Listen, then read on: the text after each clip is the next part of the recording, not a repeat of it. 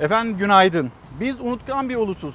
Unutuyoruz olup bitenleri. Unutuyoruz oğulları, kızları ölen ana babaları kanlı gözyaşlarıyla baş başa bırakıp gidiyoruz. Uğur Mumcu. Efendim bugün bir hafıza programı yapacağız aslında 8 Temmuz 2020 tarihinde ve 2 yıl önce bugündü. Çorlu'da bir tren faciası meydana gelmişti ve bu faciada 25 kişi yaşamını yitirmişti. Bugün o tren faciasında yaşamını yitirenler onlar yine anılacaklar. Anneleri evlatlarına gidecek ya da sevenlerini orada rayların üzerinde e, maalesef can kayıplarını yaşayan aileler yine orada bulunacaklar ve yine orada rayların üzerine rayların üzerine o karanfilleri bırakacaklar koyacaklar. Biz bugün bir anneyi konuk edeceğiz. Hani ismine ismine böyle kitaplar ithaf edilen çok güçlü ve asla vazgeçmeyen, adalet arayışından da asla vazgeçmeyen bir anneyi ağırlayacağız. Ve şimdi hemen Ankara'dan kameralarımızı İstanbul'a çevirelim. İstanbul'da bizi bu Çorlu tren faciasında ee, yaşamını yitiren 9 yaşındaki Oğuz Arda Sel'in annesi, güçlü annesi ve adalet arayışını hiçbir şekilde bırakmayan annesi Mısra Öz bekliyor. Mısra Hanım günaydın. Ee, öncelikle çok teşekkür ederim. Tam da yola çıkmıştınız, uzun köprüye doğru gidiyordunuz ve bizi kırmadınız, geldiniz ve ben hani daha çok sizi dinlemek istiyoruz. Sonra ne olduğu öğrenmek istiyoruz. Ailelerin bu tren faciasından sonra ailelerin yürekleri soğudu mu? Adalet arayışı ne aşamada? Ee, öncelikle günaydın ve ben size teşekkür ediyorum. Bizim sesimizi e, duyurduğunuz için. Evet biz unutkan bir toplumuz ve ne yazık ki e, acıları unutuyoruz ama yaşanılan her acı ilk günkü gibi taze ve ilk günkü kadar yüreklerimizi yakıyor. Ee, bugün ikinci yıl dönümü katliamın. Biz katliam diyoruz çünkü e, öngörülebilen bir ihmal katliamdır, kaza değildir bizler için. E, ben burada sizin sayenizde ve Türkiye'nin huzurunda biraz önce sesini dinlediğimiz e, canım Sena'mızı, e, canım oğlumu, yedisi çocuk 25 canı e, sevgiyle anıyorum, özlemle anıyorum. E, biz Çorlu aileleri olarak çok büyük bir aileyiz. Çünkü çok büyük bir acıyı e, ortaklaşa yaşıyoruz. Her birimizin acısı e, birbirine kenet olmuş durumda. Biliyorsunuz iki yıl geçti e, ama zamanın e, insanın böyle bir yaşadığı acı karşısında hiçbir e, tesellisi yok. Aksine süre eklendikçe, zaman geçtikçe her geçen gün e, bizim acımız daha da katlanıyor çünkü özlem ekleniyor üstüne. E, insan kavuşmak istiyor, görmek istiyor, sesini duymak istiyor. Hasret kalıyor aslında baktığımız zaman. Biz sevdiklerimize hasret yaşıyoruz bu hayatı ve e, bunun acısını yaşarken biliyorsunuz bahsettiğiniz gibi çok büyük bir de adalet mücadelesi veriyoruz. E, ne yazık ki e, çok zor günlerden geçiyor. Türkiye çok zor günlerden geçiyor ve biz e, hukuk Hanım, çerçevesinde e, o kadar böyle omuzlanması zor kelimeler, ifadeler kullanıyorsunuz ki bir yandan özlem, diğer yandan hasret, bir yandan evlat sevgisi, evlatlara işte kavuşma. Yani bunlar böyle e, gerçekten kolay kolay kurulabilecek, kolay kolay omuzlanabilecek e, ifadeler değil ve size zamanında o adalet e, arayışınız içinde şunu da söylediler. Şov yapıyorlar denildi. Mesela Anayasa Mahkemesi'nin önüne de gittiniz. Orada da bir adalet arayışınız vardı. Bir bunu da hatırlatmak istedim. Hani sonra ne olduğu konuşuyoruz ya. Hı hı. O gün e, yani iki yıl önce bu tren faciası gerçekleştikten bir yıl sonra Hı hı. ailelerin adalet arayışı varken Anayasa Mahkemesi'nin önünde o Hı hı. adalet nöbeti vardı. Hı hı. Ve o gün Oğuz Arda'nın dedesi, siz oradaki aileler şov yapıyorlar gibi bir ifadeyle de karşı karşıya kaldınız. Bunu da hatırlatmak istedim. Evet, Buyurun lütfen evet. siz dinliyoruz. Ee, ne yazık ki bu tür ithamlarda bulunuldu. Her birimize bulunuluyor. Fakat dediğim gibi e, bir hukuksal sürecin içindeyiz ve bu hukuksal sürecin içinde biz e, mücadele vermek zorundayız. Neden veriyoruz bu mücadeleyi? Biz şunun çok bilincinde olan insanlarız. 25 can bize bir daha geri gelmeyecek. e, hiçbir zaman gelmeyecek. Ama biz şunu biliyoruz. Bu biraz önce bahsettiğim şuradan hiç geçmeyen o acı, e, her gün ölüme uyanmak ve her gün o karanlığa, boşluğa uyanmak o kadar kötü ki biz istiyoruz ki bir daha başka ailelerin canı yanmasın. Başka Mısra, başka Aysun, başka Zeliha, e, başka dedeler, anneanneler, babaanneler üzülmesin, evlat kaybı yaşanmasın, çocuklar anne babalarını kaybetmesinler. Geride çok büyük yıkımlar var ve biz bu adalet mücadelesi için işte Anayasa Mahkemesi önüne gittik, adliyeler önüne gittik ve ne yazık ki e, evet hırpalandığımız günler yaşadık, e, hala yaşıyoruz. Fakat e, şunu biliyoruz ki biz e, Çorlu davasının 5. duruşmasını e, geçtiğimiz haftalarda yaşamıştık biliyorsunuz. E, ve orada da bir isyan çığlığı koptu. Aslında bu e, bizim acılarımızın isyanı değil, bize yapılan haksızlıkların, e, gelecek toplumlara yapılan haksızlıkların isyanıydı. Çünkü e, bu çok büyük bir katliam. Elbette sorumluları ve gerçek sorumluları yargının önüne çıkana kadar biz hiçbir şekilde vazgeçmeyeceğiz. Ama e, bu dönemde bizim e, bu kadar Peki, acı gerçek çekerken sorumlular sizce yargının önünde mi? efendim Gerçek sorumlular sizce yargının önünde mi? gerçek sorumlular yargının önünde değil. Ne yazık ki değil. Ne yazık ki. E, Ve bu yüzden de o adalet arayışından asla vazgeçmeyeceğiz diyorsun. Asla kesinlikle vazgeçmeyeceğiz. Ee, çünkü her şeyin çok açık ortada olduğu bir katliamdır Çorlu katliamı ve e, delilleriyle ortada olan bir katliamdır. Evet biz 5. duruşmayı bitirdik. E, 6. duruşmamız e, Eylül ayına ertelendi. 16 Temmuz'da keşif olacak, olay yerinde keşif olacak. Ve aynı zamanda e, başka bir dosyamız var. Ee, o dosyanın akıbeti bizim için çok önemli. Çünkü bir dosyada dört sanık yargılanırken diğer dosyada e, gerçek sorumlulara giden bir kanal var aslında. E, biz gözümüzü kulağımızı o dosyaya diktik. E, savcı ile birlikte e, sürekli olarak takip ediyoruz ve gerçek sorumluları yargı önüne çıkartana kadar ne biz rahat olacağız bu topluma ve kaybettiklerimize karşı e, ne de hukuk gerçek şekilde işlemiş olacak. Mısra Hanım belki bir kez daha hani duymayan, belki sağır kulaklar vardır. Belki ifade etmek gerekir tekrar tekrar. Ee, 8 Temmuz 2020 tarihi, e, düzeltiyorum 2018 tarihi o tren faciasından sonra sonra ne oldu? Kalbinizde ne oldu? Dünyanızda ne oldu? Siz ne yaşadınız? E, bu çok zor bir soru aslında İlker Bey. Bu e, şöyle söyleyeyim, bütün dünyam alt üst oldu. Bütün dünyamız alt üst oldu. E, aileler adına da konuşuyorum burada. Çünkü her birimiz aynı yıkımı yaşıyoruz. E, hayallerimiz yok oldu. Gelecek planlarımız yok oldu. Hayattan koptuk. E, tek bir amaca yöneldik ve tek bir umuda yöneldik. Adalet. Başka hiçbir şeyle ilgilenmez olduk. Çünkü bizim geleceğimiz çocuklarımızdı. Bizim hayatımız çocuklarımızdı. Ee, Oğuz Arda benim dünyamdı. Ben bunu hep söylüyorum.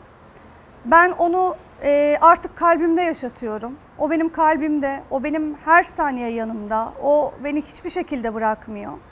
Ee, her attığım adımda ve nefeste yoklukla birlikte onun varlığını hissederek yaşamaya çalışıyorum.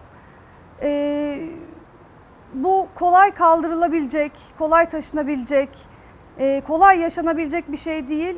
Fakat e, bize bir mücadele bıraktılar giderken arkalarında ve dediler ki haklarımız sizlere emanet ve biz de Çorlu aileleri olarak 25 kişinin ailesi olarak birbirimize öyle bir kenetlendik ki ve davamıza öyle bir sahip çıktık ki e, belki de bu inanç ve bu güç bize ayakta kalma imkanı veriyor ama e, duygusal olarak baktığımız zaman biz ne yasımızı yaşayabildik ne acımızı çekebildik e, ne de hani e, onları kalbimizde anarken e, acımızla paylaşabildik. Biz onların mücadelesinin peşine düştük. Hayat 2018, 8 Temmuz 2018'den önceki gibi ne yazık ki değil. Bundan sonra da olabileceğine hiç inanmıyorum. Mısra Öz başınız sağ olsun. Türkiye'nin başı sağ olsun ve Çorlu ailelerinin başı sağ olsun. Bir kez daha teşekkür ederim. Şimdi siz yola düşeceksiniz. Evet. Oğuz Arda selinize kavuşacaksınız. Evet. Aileler de keza öyle. Evet. İyi yolculuklar. Çok bir kez daha başınız sağ olsun. Çok sağ olun. Efendim, Efendim e, ülkemizde hani adalet tarifi yapılıyor. Sokakta baroların sesini duyuyoruz. Mecliste adalet sesleri e, yükseliyor. E, bundan sonra ne olduğu başlığı altında e, konuşurken bir yandan da adaleti, adalet kavramını, adalet arayışını onu da konuşmak gerekiyor. Toplumda, sokakta, mecliste her yerde bir adalet, bir adaletin tarifi, hakkaniyetin tarifi yapılıyor. Ama iki yıldır aileler anneler, dedeler, babalar evlatlarını orada Çorlu tren faciasında e, verenler, kurban verenler, e, rayların üzerinde e, orada evlatlarının öldüğünü görenler ve 2018'den bugüne kadar öncesi gibi olmayacak elbette hayatlarında. Bugüne kadar ve bundan sonrasında ciddi ve vazgeçmeden bir adalet arayışına düşen aileler onların da sesini duymak gerekiyor. Çalar Saat'e bugün böyle başlamak istedik. Bugün bir hafıza programı yapmak istiyoruz. Sonra ne oldu sorusunu soralım. İşte Çorlu tren faciası sonrasında adalet arayışı ailelerin halen devam ediyor. İşte Türkiye Büyük Millet Meclisi var, gelişmeler var bakacağız. Hendek'te e, havai fişek fa- e, faciası fabrikası, fabrikadaki bir facia ve bu faciadan sonra ne olduğunu, sonra ne olduğunu ve sonrasında neler olabileceğini hep birlikte tahmin etmeye çalışalım. Siyaset, siyasetçilerin vatandaşlara vermiş olduğu e, vaatler vardı. Mesela 3600 ek gösterge. Ne oldu sonra? Ya da emeklilikte yaşa takılanlar. Ne oldu? Bu vaatler yerine geldi mi? Sonra ne oldu başlığı altında sizlerle konuşmak istiyoruz. Şimdi Türkiye'nin sıcak gündemine isterseniz bir geçiş yapalım. Dünyanın da sıcak gündemi aynı zamanda e, bu konu, bu başlık. O da koronavirüs, bu salgın. Koronavirüsle ilgili Sağlık Bakanı Fahrettin Koca'nın açıklamaları ve yeni tablo.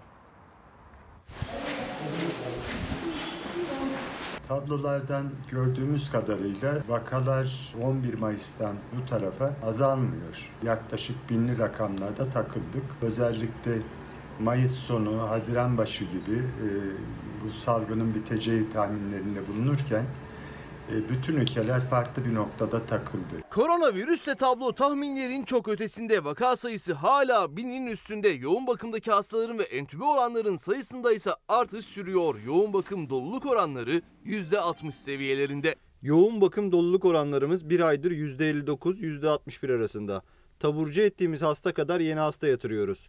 Entübasyon içinde durum benzer. Normalleşilen dönemde daha çok maske kullanmak, daha çok mesafeye dikkat etmek gerekirken vatandaşların eskiye göre bile daha az bu kurallara uyduğunu gözledik. Türkiye'de salgının patlak verdiği Mart ayında koronavirüs kaynaklı zatüre çok sık görülüyordu. O dönem yaz aylarının gelmesiyle yoğun bakım hastalarının azalacağı tahmin ediliyordu. Ancak öyle olmadı. Havaların ısınmasına rağmen hala yoğun bakımda 1152 hasta var. 7 Temmuz'da 1053 kişiye Covid-19 tanısı konuldu. 19 kişi virüs yüzünden hayatını kaybetti. Toplam vaka sayısı 207.897'ye, toplam can kaybı ise 5260'a yükseldi. Sağlık Bakanı uyarı yaptığı 5 il için bu kez umut verici bir haber paylaştı. Vaka artışlarıyla öne çıkan 5 ilde son 3 gündür ortalama %7 daha az yeni vaka var. Yoğun bakımdaki hasta sayısının artmasının nedeni ise Enfeksiyon Hastalıkları Derneği Başkanı Profesör Doktor Mehmet Ceyhan'a göre 1 Haziran'dan sonra 65 yaş üstüne yeterince özen gösterilmemesi. Biz e, 1 Haziran'da hemen hemen bütün tedbirleri kaldırdık. Ve Haziran'ın ortalarında da o zamana kadar evden dışarıya çıkarmadığımız 65 yaş ve üzerini herhangi bir ek önlem almadan toplumla buluşturduk. Tabii bu kişiler bağışıkta olmadığı için virüs almaya başladılar ve nitekim bundan yaklaşık bir hafta sonra yoğun bakımda yatan e, kişi sayısında ve e, solunum cihazına bağlanan kişi sayısında e, artışlar başladı. Yaz mevsimi virüsü geriletmedi. Yani salgının şiddeti ısıya bağlı olabileceği tezi ortadan kalktı. Dikkati elden bırakmamak, tedbirleri uygulamak hayati önem taşıyor hala. Bu yanlış öngörüye güvenen devletler ve insanlar, vatandaşlar tedbirleri e, birdenbire kaldırdı ve e, bu tedbirler kalktıktan sonra da nasıl olsa yazın bu iş bitiyor, maskeye ve mesafeye gerek yok diye yanlış bir düşünceye kapıldılar. Sağlık Bakanı Fahrettin Koca'nın cümlelerine bir kez daha bakacak olursak yoğun bakım doluluk oranımız bir aydır %59 %61 arasında taburcu ettiğimiz hasta kadar yeni hasta yatırıyoruz. Yani ne kadar taburcu oluyorsa hastalarımız o kadar da hastanelere başvurmak zorunda kalıyorlar bu salgın nedeniyle. Entübasyon içinde durum benzer vaka artışlarıyla öne çıkan 5 ilde son 3 gündür ortalama %7 daha az yeni vaka var. Salgına karşı kaç kişiyiz diye sordu ve vaka sayısı 1053 dünün tablosu bu ve iyileşen hasta sayısı da 2297. Hala binli sayılarda bu vakaların devam ettiğinin uyarısını yine Profesör Doktor Mehmet Ceyhan da yapmaktaydı. Gelelim Fahrettin Koca'nın bir paylaşımı daha var sosyal medya üzerinden. O da mesafenin korunamadığı kapalı alanlar virüsün fırsat bulduğu alanlardır. Maskenizi muntazam şekilde takmış olsanız bile fazla yolcu taşıyan toplu taşıma araçlarında risk altındasınız. Bakıyorsunuz böyle minibüsler, minibüslerden sürekli o görüntüler geliyor. 12 kişi olması gerekiyor, 30 kişi çıkıyor. 14 kişi olması gerekiyor, 37 kişi çıkıyor. Dün yine İhlas Haber Ajansı'na yansıyan bir görüntü vardı. Onu da aynı zamanda paylaşıyor Fahrettin Koca ve diyor ki böyle kalabalık gördüğünüzde lütfen dolmuşlara ya da toplu taşımaya binmeyin, onları kullanmayın. Bu uyarıyı yapmakta. Ama diğer yandan hani dolmuş şoförünün de uyarması gerekiyor. Sürücüler uyardığında çünkü zaman zaman ciddi tartışmalar yaşanabiliyor. Birazdan bunun da görüntüsünü izleyeceksiniz. Sana ne diyen bir sesle karşı karşıya kalabiliyor. Orada minibüste bulunan ve hani maskeleriyle, sosyal mesafe kurallarıyla kendisini korumaya çalışan insanlar sana ne diyen bir kişiyle ya da dille ya da sonrasında şiddete varabilen bir tavırla karşı karşıya kalabilmekte. Binmeyin. Binmişseniz fazladan yolcu alan sürücüleri salgınla mücadelemiz adına uyarın.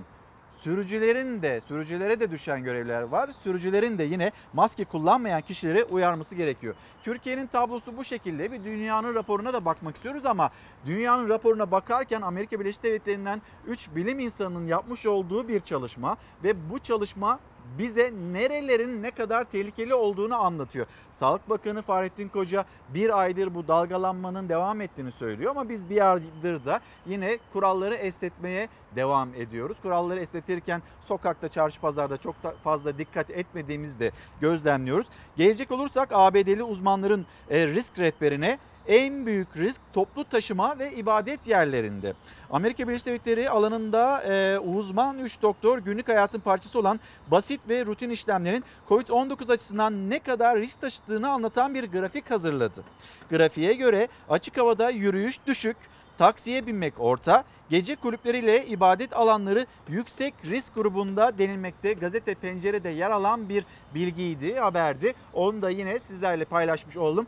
Risk barındıran yerlerde sosyal mesafe kurallarına çok daha fazla dikkat edilmesi gerektiğinin uyarısını bir kez daha yapıp dünyanın raporuna bakalım.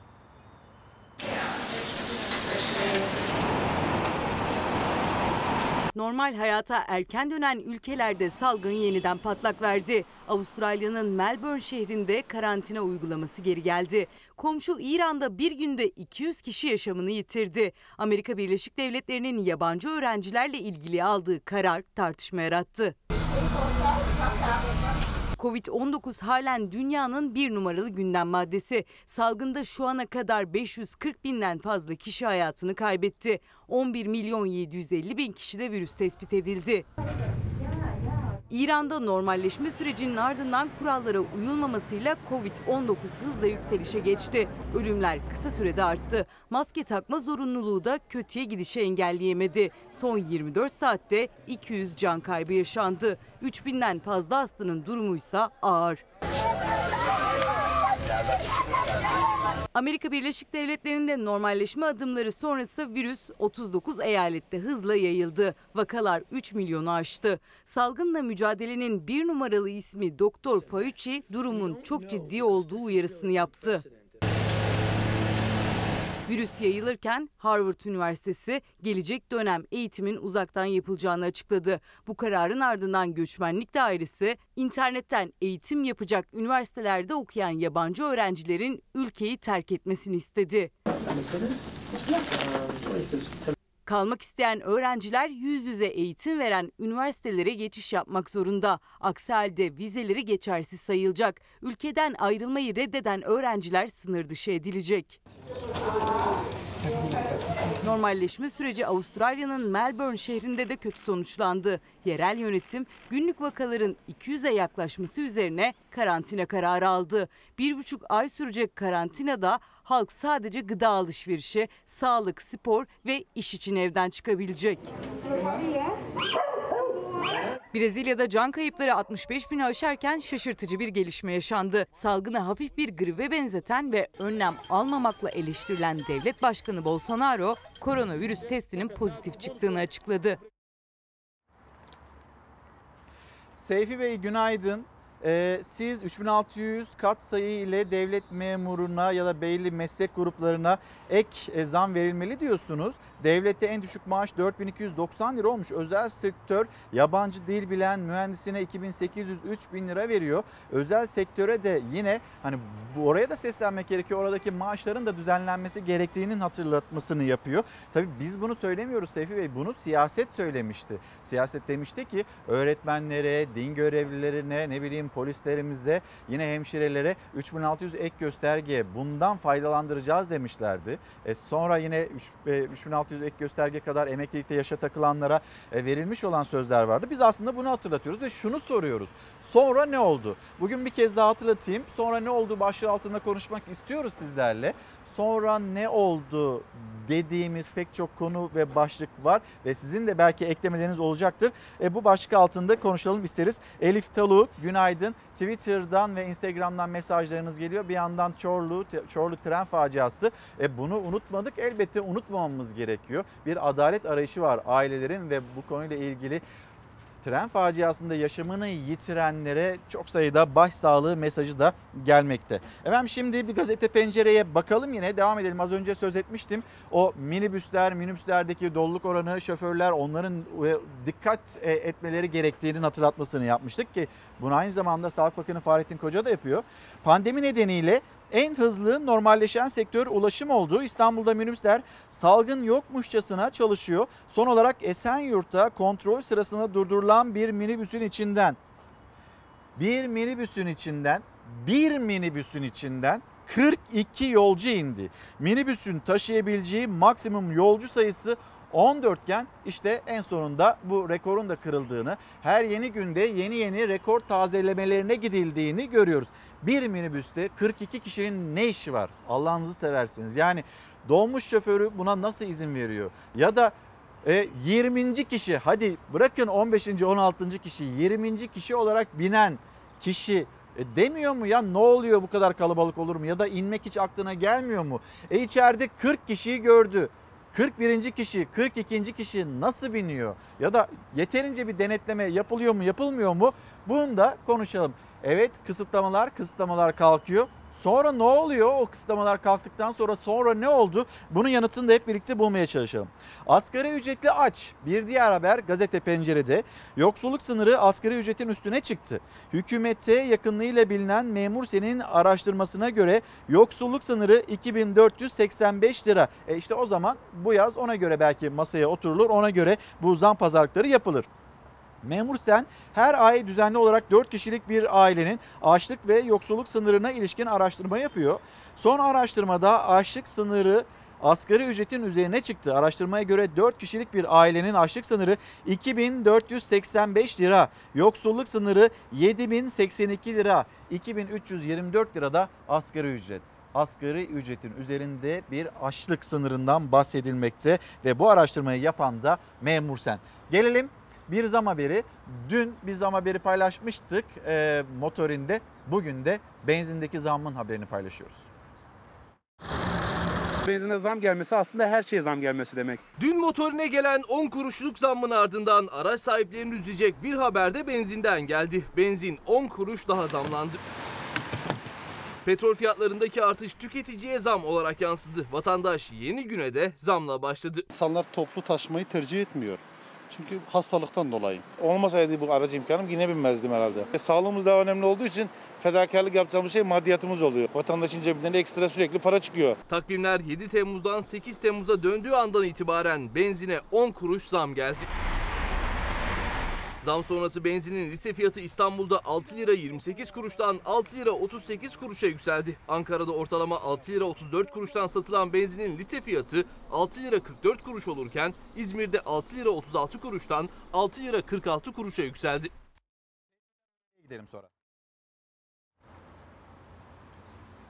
Milli Gazete, Milli Gazete'nin manşeti Sağlık Bakanlığı'nın açıkladığı tavsiye kararı gerçeklerle örtüşmüyor. Başlık bu şekilde. O okul nerede diye soruyor Milli Gazete. Türkiye 1 Haziran itibariyle normalleşme sürecine geçse de ne vakalar azalıyor ne de vatandaş kontrollü hayata gereken uyumu gösterebiliyor. Yetmezmiş gibi okulların 31 Ağustos'ta açılacağının ilan edilmesi endişeleri arttırıyor. Bilim Kurulu'nun tavsiyeleri ışığında Sağlık Bakanlığı tarafından hazırlanan rehberdeki okullarla ilgili tedbirlerde soru işaretlerini beraberinde getirdi. Okullarda en az 4 metrekareye bir kişi düşecek şekilde personel ve öğrenci planlaması yapılmalı. Tavsiyenin sınıf mevcudu çok kalabalık olan ülkemizde nasıl uygulanacağı merak konusu oldu.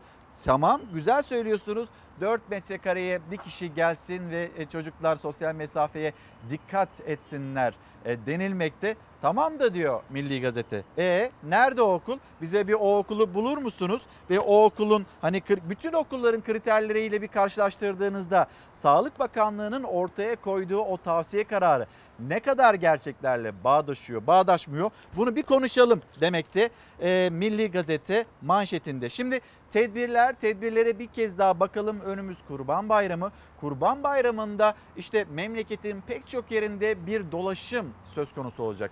İşte Ramazan Bayramı'nda büyüklerine gidemeyenler yollara düşecekler. Bir yandan kurban pazarları, oralarda kalabalıklar yine e, birikiyor olacak.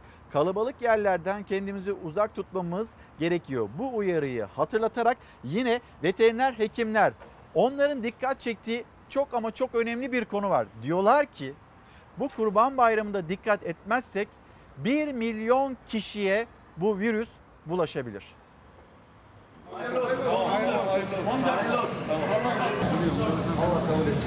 Her hayvanla 6-7 kişinin temas ettiğini düşünürsek yaklaşık 1 milyon insan e, bulaş riskiyle karşı karşıya. İşte risk bu kadar büyük. Kurban Bayramı için geri sayım endişelerle birlikte başladı. Çünkü pek çok ilden büyük şehirlere gelecek kurbanlık hayvan satıcıları. Çadırlar dolacak, sonra memleketlerine geri dönecek besiciler.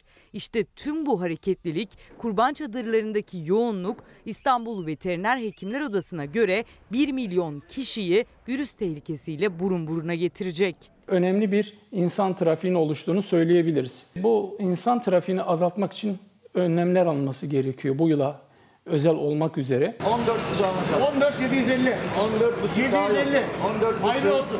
Oldu. Aldım. Pazarlıklar mesafeli, çadırlar hijyenik olsun diye çalışmalar şimdiden başladı. Ancak 2019'da sadece İstanbul'da 150 bin kurban kesildi. Yani en azından 150 bin kez tokalaşıldı. İstanbul Veteriner Hekimler Odası vekaletle kurban çağrısında bulundu.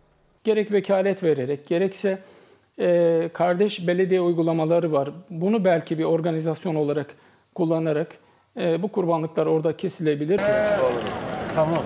Sadece kurban pazarlarında değil, risk hemen her yerde. İçişleri Bakanlığı da 81 ilin valiliğine genelge gönderdi. Çarşamba gününden itibaren denetimler sıklaştırılacak. Meydanlar, sahiller, semt pazarları ve normalleşmeyle açılan işletmelerde ekipler göz açtırmayacak. Ayaktaki yolcular inelim öyle. Ayaktaki yolcular inelim. Uyarılara, denetimlere rağmen özellikle toplu ulaşım araçlarında kurallar hiçe sayılmaya devam ediyor. İstanbul Esenyurt'ta 14 yolcu taşıması gereken minibüsten 42 kişi çıktı. Mersin'de ise bir otobüs şoförü maskesiz yolcuları aracına almak istemedi. Yolcular saldırdı, başından yaralanan şoföre 8 dikiş atıldı. Maskesi bindiremeyeceğimizi söylediğim halde arabanın içine daldılar, beni darp ettiler. Düğünlerde ise virüse meydan okumaya devam ediliyor. Artvin'deki bu düğünde de İstanbul Arnavutköy'deki sokak düğününde de ne mesafe vardı ne de maske. Eğlenceleri denetimlere takılmasın isteyenlerse tekne partisini tercih etmeye başladı ama deniz polisi iş başında. İstanbul Boğazı'ndaki teknede parti yapan 49 kişiye toplam 154.350 lira ceza kesildi. Sami Bey, Sami Öz günaydın. Rize'den bize günaydın diyor. Mısra Hanım'a ve Çorlu tren faciasında yakınlarını kaybeden ailelere e, başsağlığı dileklerini iletiyor, bizimle paylaşıyor. Funda Canseven sonra ne oldu? Sonra Hasan Keyif yok oldu demekte. Leyla Tatar Sonra ne oldu diyeceğimiz o kadar çok şey oluyor ki Çorlu tren faciası da öyle hesabını sorumlular vermeli demekte. Gaye Hanım adalet var mı ki adalet yerini bulsun diye bir başka soruyla bugün programımıza katılmış. Efendim şimdi bir mola verelim. Yine Türkiye'nin, e, dünyanın, sizin bizim gündemimizde olan haberler var ve bu molanın ardından bunları paylaşıyor olacağız ve bugün biraz daha fazla şöyle bir ekonomiyi konuşalım istiyoruz. Bir yandan da Mardin'den çok sayıda mesaj geliyor. Bu mesajların içeriği de oradaki elektrik kesintileriyle ilgili ve çiftçiler şunu söylüyorlar. E siz bu elektrik kesintileri sonrasında bizim mahsulümüzün tarlada kaldığının farkında değil misiniz? Bizim sorunumuz nasıl çözülecek diye onlar da seslerini duyurmaya çalışıyorlar. Biliyorum ki pek çok kişi seslerini duyurabilmek adına e, sosyal medya üzerinden bize ulaşmaya çalışacaklardır. Bir mola verelim. Sonra dönüşte buluşalım ve konuşmayı sürdürelim. Efendim bir kez daha günaydın. Çalar Saat devam ediyor. Fox kameramanı Serhat Yağmur şu anda sizlere Fox Haber Ankara Büro'nun terasından Türkiye Büyük Millet Meclisi'ni göstermekte. Dün Türkiye Büyük Millet Meclisi'nde e, heyecanlı bir yarış vardı diyebilir miyiz? Çok fazla da herhalde bunu söyleyemeyiz. Neden? Çünkü e, birinci sonu baştan belli bir seçimdi. Meclis başkanlığı seçimi e, yenilendi ve Cumhur İttifakı Cumhur İttifakı'nın oyu toplam 340'tı ve üçüncü turda da aslında mevcut başkanın bir kez daha aday oldu. Binali Yıldırım aday olmayacağım dedikten sonra bir kez daha aday oldu Mustafa Şentop ve üçüncü turda yine Türkiye Büyük Millet Meclisi Başkanı olarak seçildi. Yani sonu baştan belli bir seçim gerçekleşti. E, güç ya da oy potansiyeli üye sayısı Cumhur İttifakı'nda daha fazla olduğu için 340 oy vardı. O oyların 328'ini aldı. Cumhur İttifakı'nın 340 e, oyundan 328'ini aldı Mustafa Şentop ve görevine devam ediyor. Şimdi bugün Hürriyet gazetesine konuşmuş CHP lideri Kemal Kılıçdaroğlu ve burada Abdülkadir Selvi'nin soruları arasında acaba kurultayınız var. Temmuz ayının sonunda bu ertelenecek mi, ertelenmeyecek mi? Bununla ilgili bir açıklama yapar mısınız demekte. Hayır bu kurultay ertelenmeyecek diyor ve erken seçim beklentisi, erken seçim beklentisiyle ilgili Acaba CHP lideri Kemal Kılıçdaroğlu topu kime atıyor? Birazdan bunu burada ağırlayacağımız misafirimizle konuğumuzla konuşacağız. Hem siyasetin konusu gündemi hem de daha çok çünkü dikkati en fazla bu noktada Gürsel Tekin, CHP'li Gürsel Tekin'in ekonomi, Ekonomiyi konuşacağız. Vatandaş sokakta neyi konuşuyor ve vatandaşın gündeminde ne var? Birazdan paylaşacağız sizlerle misafirimizi ağırladığımızda. Ve hemen bir düne dönelim. Dün e, meclis başkanlığı yarışının nasıl sonuçlandığına bakalım.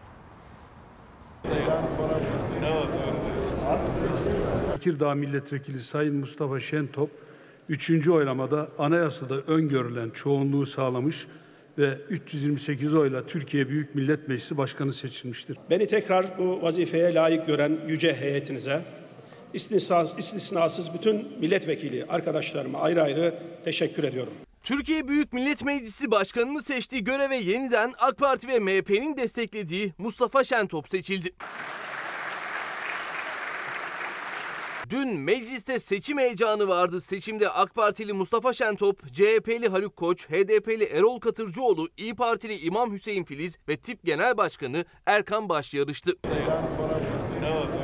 İlk ve ikinci turda kimse yeter sayıda oy alamadı. Üçüncü turda ise salt çoğunluk yani 301 oy arandı. Ve üçüncü turda AK Parti'nin adayı MHP'nin de desteklediği isim Mustafa Şentop en çok oyu alan isim oldu. Ankara Milletvekili Ahmet Haluk, Haluk Koç 134 oy.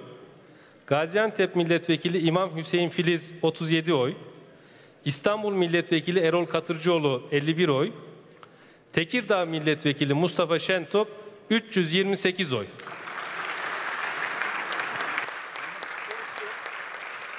Boş yok, geçersiz 7, toplam 557 oy. Sonuç açıklanırken Şentop'un yarında adı meclis başkanlığı içinde geçen ancak önceki haftalarda aday olmadığını açıklayan Binali Yıldırım da vardı. Sonuçlar açıklanınca Yıldırım Şentop'u alkışladı. Göreve seçilmesi sonucunda konuşan Meclis Başkanı Mustafa Şentop, Cumhurbaşkanı Erdoğan'a ve AK Partili vekillere teşekkür etti. Bir özel teşekkürü de MHP'ye oldu. Milliyetçi Hareket Partisi Genel Başkanı Sayın Devlet Bahçeli'ye ve Milliyetçi Hareket Partisi grubuna mensup milletvekili arkadaşlarıma duydukları itimat için bilhassa teşekkür ediyorum. Şentop tarafsızlıkla görevimi yürüteceğim dedi konuşmasında. Adalet ve tarafsızlıkla Yüce Meclis'e hizmet etmeye çalışacağımdan kimsenin şüphesi olmasın. Yeniden meclis başkanlığı görevine seçilen Şentop yeni günün sabahında Ankara'da Hacı Bayram Camisi'nde sabah namazı kıldı. Devam edelim. Milli Gazete'de e, okumak istediğimiz başka haberler daha var. Yine hani bu okullar açılacak 31 Ağustos itibariyle nasıl olacak? Her okulda böyle bir kriter koyuyorsunuz. 4 metrekareye bir öğrenci, bir öğretmen ya da e, nasıl olacak? Bizim okullarımızın fiziki durumu buna müsait mi değil mi? Bunu soran bir e, manşeti var e, Milli Gazete'nin. Sınıflarda sadece 14 öğrencinin olması gerektiğine dikkat çekiyor Sağlık Bakanlığı. Ve bir soru Türk Eğitim Sen Genel Başkanı Talip Geylan'dan koridorda serviste nasıl kontrol, kontrol edeceğiz? Yani hadi 4 metrekareyi sağladı çocuklar. Öğretmenler de dikkat etti. Tamam da hani okulların koridorlarında ya da servislerde bu çocuklar nasıl korunacak? O çocuklar sosyal mesafeye dikkat edebilecekler mi? Herkes, bütün çocuklar servislerde nereye oturuyorlarsa sürekli oraya otursunlar denilmekte. Ama bu da sürdürülebilir bir şey değil çünkü servisler bir mesai yapıyor. Sabah çocukları okula bırakıyor. E sonra gidiyor belki bir memurlarla ilgili bir servisi gerçekleştiriyor. Akşamüstü öğleden sonra başka bir servis görevi yapıyor. Yani herkesin yeri belli olsa bile ya da öyle olsun denilse bile bu pratikte öyle çok da uygulanabilecek bir şey değil. Yine e, Milli Gazete'den okumak istediğimiz bir haber daha var. O da %20'si vergi olan elektrikte indirim şart. TES Başkanı Bendevi Palandöken esnafın korunabilmesi için bu uyarıyı yapmakta ve sesini duyurmaya çalışıyor. Diyor ki Palandöken %20'si vergi ve kesintiler olan elektrik faturalarında mutlaka indirime gidilerek hem vatandaşlar hem de esnafımız sevindirilmelidir. Esnafımızın ihtiyacı budur demekte Bendevi Palandöken. Gelelim Sözcü gazetesi hani sonra ne oldu diye sorduğumuz sorulardan bir tanesi bu. Hendek'te havai fişek fabrikasında bir patlama meydana geldi. O patlamadan sonra 4 kişi önce gözaltına alındı. Ustabaşı vardı, işte iş güvenliğinden sorumlu kişiler vardı. Nasıl oluyor da böyle sürekli isim değiştiren ama faaliyetlerine ara vermeyen, yıllar içinde de sürekli patlayan fabrikanın sahipleri onlarla ilgili bir gözaltı işlemi neden uygulanmıyor? Bu sorular sorulurken işte bir yemek fotoğrafı o fotoğraf çok konuşuldu. Sonra ne olduğunun e, detaylarına bakacağız aslında Sözcü gazetesinden. CHP lideri faciadan sonra yemekte buluşan patronlara çıkıştı. Sizin yediğiniz insan eti. Kılıçdaroğlu 7 kişinin öldüğü Sakarya'daki havai fişek fabrikası ile ilgili şöyle konuştu. 11 yılda 4 patlama oluyor. Patron nereden güç alıyor? Her seferinde fabrikayı yeniden açıyor. Bunu nasıl başarıyor demekte.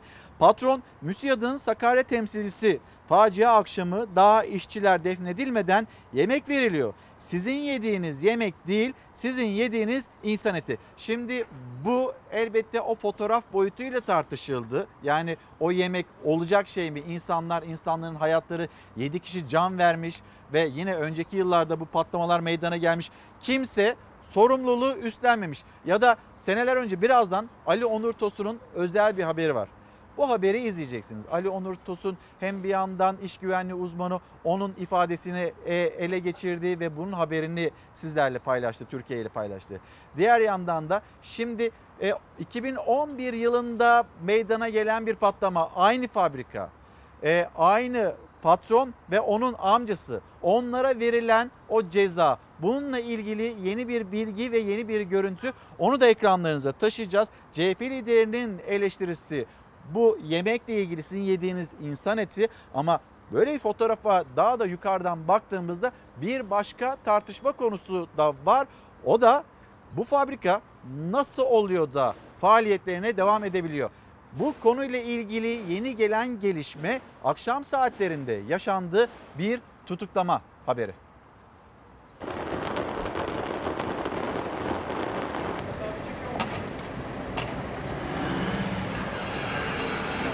7 işçiye mezar olan fabrikanın sahipleri facianın 5. gününde gözaltına alındı. Yaşar Coşkun ve babası Ali Rıza Coşkun hakim karşısına çıktı. Yaşar Coşkun tutuklandı. Babası Ali Rıza Coşkun ise adli kontrol şartıyla serbest bırakıldı. Fabrikada görev yapan ve tutuklanan şüphelilerin ve alınan yüzün üzerindeki diğer çalışanların birbiriyle örtüşen beyanları bir bütün olarak değerlendirildiğinde işverenin alınan bütün önlemlere uyulmasını temin etme yükümlülüğünün de bulunduğu dikkate alındığında söz konusu fabrika sahiplerinin de sorumlu olabileceği değerlendirildi. İş yeri sahibiyle de birkaç kez görüşmeler yaptı. Cumhurbaşkanımız, Genel Başkanımız Abdurrahman Kağan'ı görevlendirdi ve patlamadan bir saat sonra yanıma geldi. 3 Temmuz'daki patlamanın ardından Cumhurbaşkanı Erdoğan'ın da aradığı fabrika sahibi Yaşar Coşkun aynı zamanda MÜSİAD'ın Sakarya Şube Başkanı, faciadan sonra MÜSİAD Başkanı, şube başkanları ve üyelerinin bulunduğu Sakarya Hendek'teki yemeğin fotoğrafı fabrika sahibi Yaşar Coşkun'un yanındayız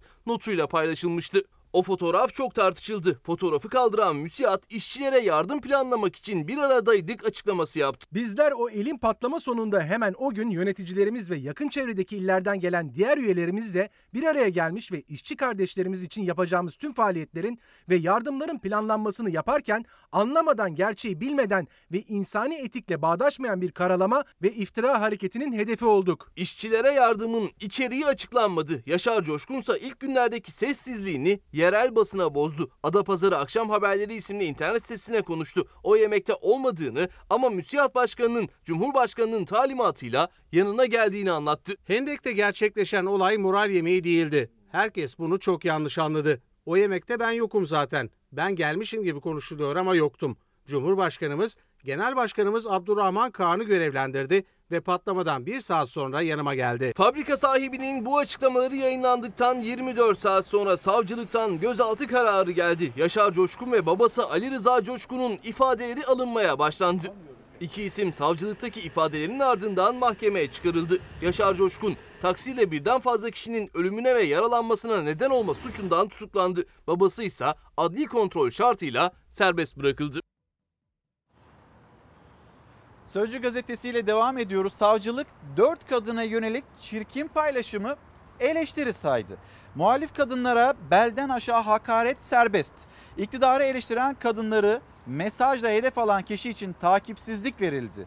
Oysa bu mesaj iktidara yakın bir kadın için atılsaydı yer yerinden oynardı. Geçtiğimiz hafta bir bakan, Hazine ve Maliye Bakanı Berat Albayrak'ın eşi Cumhurbaşkanı Erdoğan'ın kızı ve dünyaya yeni gelmiş bir bebek onlara yönelik o ahlaksızca ifadeler çok ses getirmişti ve sosyal medya üzerinden herkes ama herkes bu tavrı kınamıştı. Sonra sosyal medyaya bir denetim gelmesi, bu konuyla ilgili meclisin adım atması, Cumhurbaşkanı Erdoğan'ın çıkışları bunlar gündeme gelmişti. Şimdi Öncesinde de mesela işte iktidara yönelik iktidar gibi düşünmeyen, iktidarla aynı e, düşünceye sahip olmayan başka kadınlar var. Onların da yine e, bazı isimler, bazı kişiler yani kendilerini isimlerini saklıyorlar. Troll olarak söyleyelim biz onları. Troll olarak adlandırılıyor. E, bu kişilerden e, gelen hakaretler var mesela. Onlarla ilgili işlemler aynı ölçüde yapılıyor mu ya da aynı e, yüksek tondan eleştiri sesleri yükseliyor mu? Hem bugün Sözcü gazetesinin manşetinde hem gazete pencerenin manşetinde hem Karar gazetesinin manşetinde tuz koktu ifadesiyle ele alınmış durumda. Kadir G isimli kişi sosyal medyada şu çirkin paylaşımı yaptı. Ben okumayayım o çirkin paylaşımı ya da örnek oluşturmasın diye okumayayım ama netice itibariyle hani haktan, adaletten, hukuktan bunlardan bahsediliyor ya da hakkaniyetsizliklerden, ahlaktan bahsediliyor. İşte burada bir ahlaksızlık var ve bu ahlaksızlıkla ilgili çifte bir standart olduğuna dikkat çekiyor gazeteler. E yaşanılan böyle olduğunda sonrasındaki adımlar samimi bir şekilde ilerliyor mu? E ilerlemiyor. Vatandaşın gözünde de o şekilde gerçekleşiyor. Oyuncu Bernal için büyük tepki çeken bu paylaşım için savcılığa şikayete bulundu. Soruşturma açan savcılık paylaşımdaki sözleri ağır eleştiri ve kaba söz. Ağır eleştiri, kaba söz olarak değerlendirdi ve ondan sonra da manşetler peş peşe geldi. Tuz koktu. Yani bir tarafa farklı, öbür tarafa farklı farklı bir muamele mi yapılıyor diye böyle bir değerlendirme e, geldi. Şimdi efendim öncesinde hani partisi, partisinde kimler yer alacağı merak edilen bir isimdi. Deva Partisi lideri Ali Babacan bu süreç içinde partileşme sürecini tamamladı. Partisinin ismini koydu, yol arkadaşlarını belirledi ve Deva Partisi'nin binasının açılışı ise korona günlerine denk geldi. Hem bunun haberini paylaşacağız hem de Ali Babacan ki Ali Babacan ismi e, Cumhurbaşkanı Erdoğan tarafından kurmayları tarafından sert bir şekilde hedef alınan bir isim Ahmet Davutoğlu ile birlikte Ali Babacan da eski defterleri açtı ve hangi mesajları verdiği sanal açılışın gerçekleştiği günde. Siyaset sadece erkeklere bırakılamayacak kadar ciddi bir iştir. Siyasetin sizin üslubunuza, sizin yaratıcılığınıza, sizin sorun çözme becerilerinize, sizin kucaklayıcılığınıza ve sizin zekanıza ihtiyacı var. Sizleri, tüm kadınlarımızı partimizde görev almaya davet ediyorum.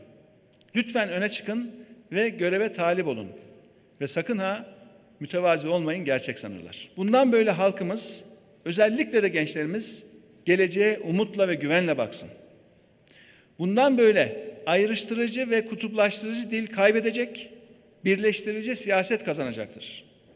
Bundan böyle korkular ve karamsarlık geride kalacak, cesaret ve umut hakim olacaktır. Biz kuvvetler ayrılığı ve hukukun üstünlüğü esasına dayanan özgürlükçü, katılımcı ve çoğulcu bir demokrasi hedefliyoruz. Biz temel hakların korunduğu, hukukun ve adaletin tam olarak işlediği, vatandaşlarımızın korkmadan düşüncelerini açıkladığı, özgürlüklerin doyasıya yaşandığı bir Türkiye hedefliyoruz. Teknoloji geliştirmenin ön şartı gençlerimize özgür bir ortam sağlamaktır. Yaratıcılık ancak özgür ortamlarda gelişir. Özgür zihinlerin bir arada çalışacakları bir ekosistem oluşturmak şarttır. Ülkemizde ise şu anda teknolojiye karşı, karşı sansürlerle, kısıtlamalarla ve yasaklarla yaklaşan bir siyasi yönetim var. Gençlerimiz dislike attı diye teknolojiye karşısına alan bir zihniyet var. Artık yaşlanmış olan siyaset, dijital devrim içinde doğmuş olan gençlere parmak sallamakta. Efendim misafirimiz geldi. Cumhuriyet Halk Partisi İstanbul Milletvekili Gürsel Tekin şu anda Çalar Saat'te konuğumuz. Günaydın efendim. Günaydın. Hoş geldiniz. Şimdi elbette hani siyasetçi olarak meclis, siyasetin gündemindeki konular, sıcak konular bunların takibini yapıyorsunuz. Ama bizim hani sosyal medyadan takip ettiğimiz kadarıyla ya da gazetelere yansıyan cümlelerinize baktığımızda daha fazla vatandaşın gündemindeki konular ya da ekonomik konular e, bazen böyle İstanbul'dan haberler paylaşıyorsunuz.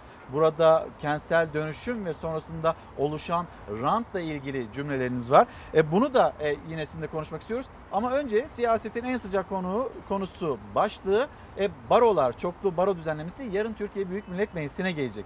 Bir haberimiz var. Paylaşalım. Görüşlerinizi sormak istiyorum. Çoklu baro e, meselesi siyasetin.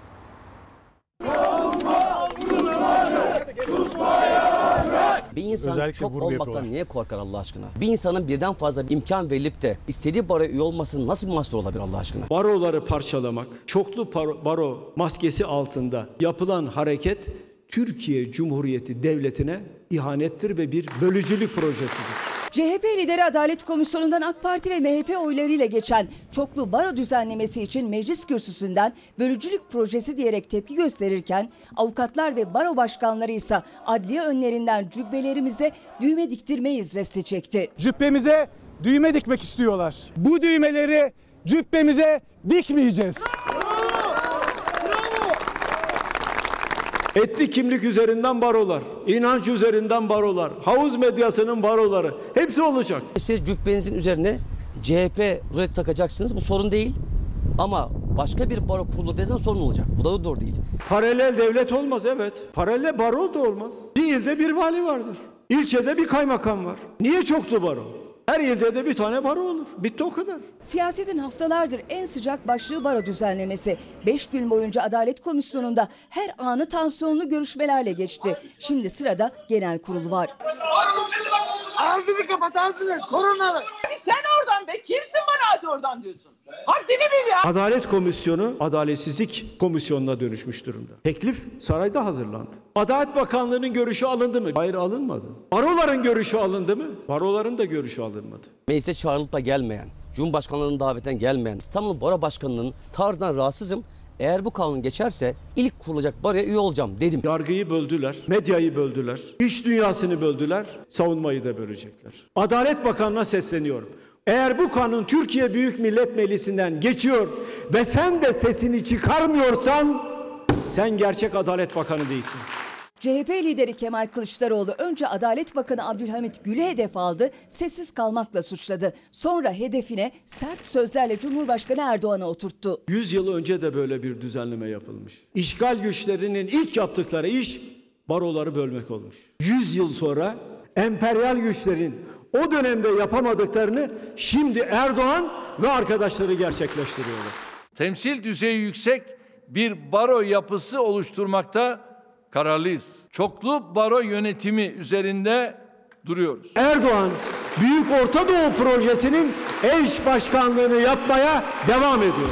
Siyaset baro düzenlemesini tartışırken Perşembe günü genel kurula gelecek düzenleme öncesi Ankara ve İstanbul Barosu savunma susmadı diyerek eylemdeydiler. Biz hiçbir amblem taşımayız. Hiçbir görüşü üzerimizde taşımayız. Kara cübbelerimizle dimdik dururuz. Hakkın yanında dururuz. Adaletin yanında dururuz. Barolar meselesinde CHP lideri Kemal Kılıçdaroğlu'nun sessiz kalmakla suçladığı Adalet Bakanı Abdülhamit Gül, Abdülhamit Gül sosyal medya üzerinden verdiği mesajını ana muhalefet partisi lideri ya bir kanunun nasıl çıkacağını bilmiyor ya da meclisin milletten aldığı kanun yapma yetkisinden rahatsız. Siyaset tarihimize oyunu kullanamayan genel başkan olarak geçen biri için ilk ihtimali yabana atmamak lazım demekte Abdülhamit Gül ama bir yandan da ee, Abdülhamit Gül bu çoklu baro ile ilgili, bu düzenleme ile ilgili ilk yaptığı açıklamalarda yani hani biz içini bilmiyoruz ki ortada bir düzenleme yok ki neye itiraz ediyorlar anlamıyorum demişti. Sonra 2-3 gün sonra düzenleme ortaya çıktı. Meclis Adalet Komisyonu'na sevk edildi. İşte yarın da genel kurula gelecek. Yani Abdülhamit Gül'e gelen eleştirilerden bir tanesi bu düzenlemenin içeriğini biliyor musunuz, bilmiyor musunuz? Böyleydi ama Abdülhamit Gül o soruya yanıt vermemiş ama CHP lideri Kılıçdaroğlu'na bir yanıt vermiş. Ne dersiniz bu çoklu baro ile ilgili? Evet çok teşekkür ediyorum. Ee, Azerilerin çok güzel bir sözü var diyor. Vurmayacağı ondan belli elini yeke taşa atıyor. Yani Erdoğan'a gücü yetmiyor. Yetmeyince tabii ki ana muhalefet liderine saldırıyor. Özellikle bu oy kullanma meselesinde altını çizerek anlatmak istiyorum. Çünkü o sürecin tamamında İstanbul İl Başkanıydım. Sayın Bakanın ve Bakanın Partisi'nin ortakları yani FETÖ'cülerin kurmuş olduğu tuzaktan dolayı Sayın Genel Başkanımız oyunu kullanamadı. Bunu net olarak da ispatlayabiliriz. Sürecin nasıl işlediğini zamanınızı almamak açısından söylüyorum. Yani Ee, o gün o oy kullanamama meselesi tabii, tabii. FETÖ'nün tamamen, bir tuzağı tabii, mıydı? Tamamen bir tuzaktı ve bu tuzak iktidarla FETÖ'nün ortaklaşa hazırlamış olduğu tuzaktı. Düşünebiliyor musunuz? Ana muhalefet lideri, ana muhalefet liderinin ikameti taşını, taşınıyor. Bir, karakola başvuruluyor. Karakol lütfedip herhangi bir partili ya da partinin genel merkezini aramıyor. Nüfus müdürlüğüne gidiyor. Orada kimse aramıyor. Yüksek Seçim Kurulu'na kadar ta ki seçim takvimi yani itiraz süreci bitince o dönemin işte FETÖ bu e, AKP'nin ortakları FETÖ'nün gazetesinde Sayın Genel Başkanımızın oy kullanamayacağı ortaya çıktı. Şimdi bütün bu tuzakları falan biliyoruz. Onu uzun uzun anlatacak durumda değilim. Ama bir bakanı ilgilendirmesi gereken bir mesele yani savunma mekanizması gibi önemli bir meselede çıkıp şu cesareti gösterebiliyorsa böyle bir hazırlık yok kardeşim demesi bile onun bu meseleye ne kadar karşı olduğunu gösteriyor. Ya bu konuda net olacaksınız. Karşı mısınız, değil misiniz kardeşim? Yani Türkiye'de bir tek hamamcılar odası varken onlarca savunma mekanizmasında onlarca odaya niye ihtiyaç duydunuz? İhtiyacın sebebi şu. Hatırlar mısınız? Odalar ve e, ticaret odaları e, bir dönem Sayın Erdoğan'ı eleştirdiler. Çünkü Sayın Erdoğan'ın gelişi de belki siz o dönem muhabir miydiniz bilmiyorum. Rahmetlik Ecevit'in başbakanlığı evet. döneminde e, siteler esnafını toplayıp odaların organize etti esnafları toplayıp kasa atanların şu andaki durumuna bir bakmanız lazım. İnşallah bir gün sitelere gittiğinizde sitelerin nasıl bir perişanlık yaşadığını göreceksiniz. O gün o odalar Sayın Erdoğan'ın lehine çalıştıkları için hiç sorun yoktu. 2006-2007 yılında galiba 2008'de 2008 yılında ekonomide biraz kırılganlık vardı. Onların eleştirisinden dolayı yasa değiştirdi. Yani öyle bir değişiklik yaptı ki şu anda ne ticaret odası, ne sanayi odası başkanı, ne de odalar birliği başkanı iki kelime kullanamıyor. Yani itaat et, rahat et. Evet, Avukatlar da itaat etmeyecektir, Cumhuriyet Halk Partisi de itaat etmeyecektir. İtaat kültürü ülkeleri geri götürmektir. Ülkenizi yok etmek demektir. Sayın Bakan, yarın çocuğunuza hesap veremezsiniz. Buna bir şey söyleyin. Olmaz. Niye? Çünkü Sayın Erdoğan bir uzlaşma sağladı mevcut e, başkanla. Sonra böyle bir şey gündeme Feyzoğlu'nu getirdi. mu E bunun başka bir izahatı yok. Ben akşam Sayın Feyzoğlu'nu da izlerken şaşırdım. Aynı Sayın Feyzoğlu bu kararın FETÖ döneminde gelirken şiddetle karşı çıkarken şimdi karşı çıkmaması doğrusu aklımızda birçok soru işaretleri de yaratıyor yani. Ama çoklu baroya karşı olduğunu söylemişti. Yani bu bir söylem olarak mı kaldı? Elbette ki bakın şimdi öyle diyor ama altında da bir sürü savunma yapıyor. Yani özellikle İstanbul, İzmir, Ankara'da yani takdir edersiniz ki Türkiye'nin Anadolu'daki en baro büyük başkanlarına teşekkür ediyorum Tabii diyor. Türkiye'nin en büyük illeri. Yani ne demektir? Ekonominiz, sanayiniz, nüfusunuzun tamam burada. Doğal olarak da tabii ki burada en büyük barolar da burada olması gerekiyor. Şimdi bunu nasıl parçalayabiliriz? Ne yaparsanız yapın. Buna şuna da e, emin olmanızı istiyorum. Bu yapılan sistem yani e, inşallah e, genel kurulda vicdanı e, hür milletvekilleri e, bu bunu göre- geri gönderir diye düşünüyorum. Aksi takdirde Yarın işte oylaması yapılacak. Bunun geri dönme ihtimali var mı sizce? yok. ihtimali yok. Sıfır. Zaten siz de bu konu... Çünkü- Ha, buyurun.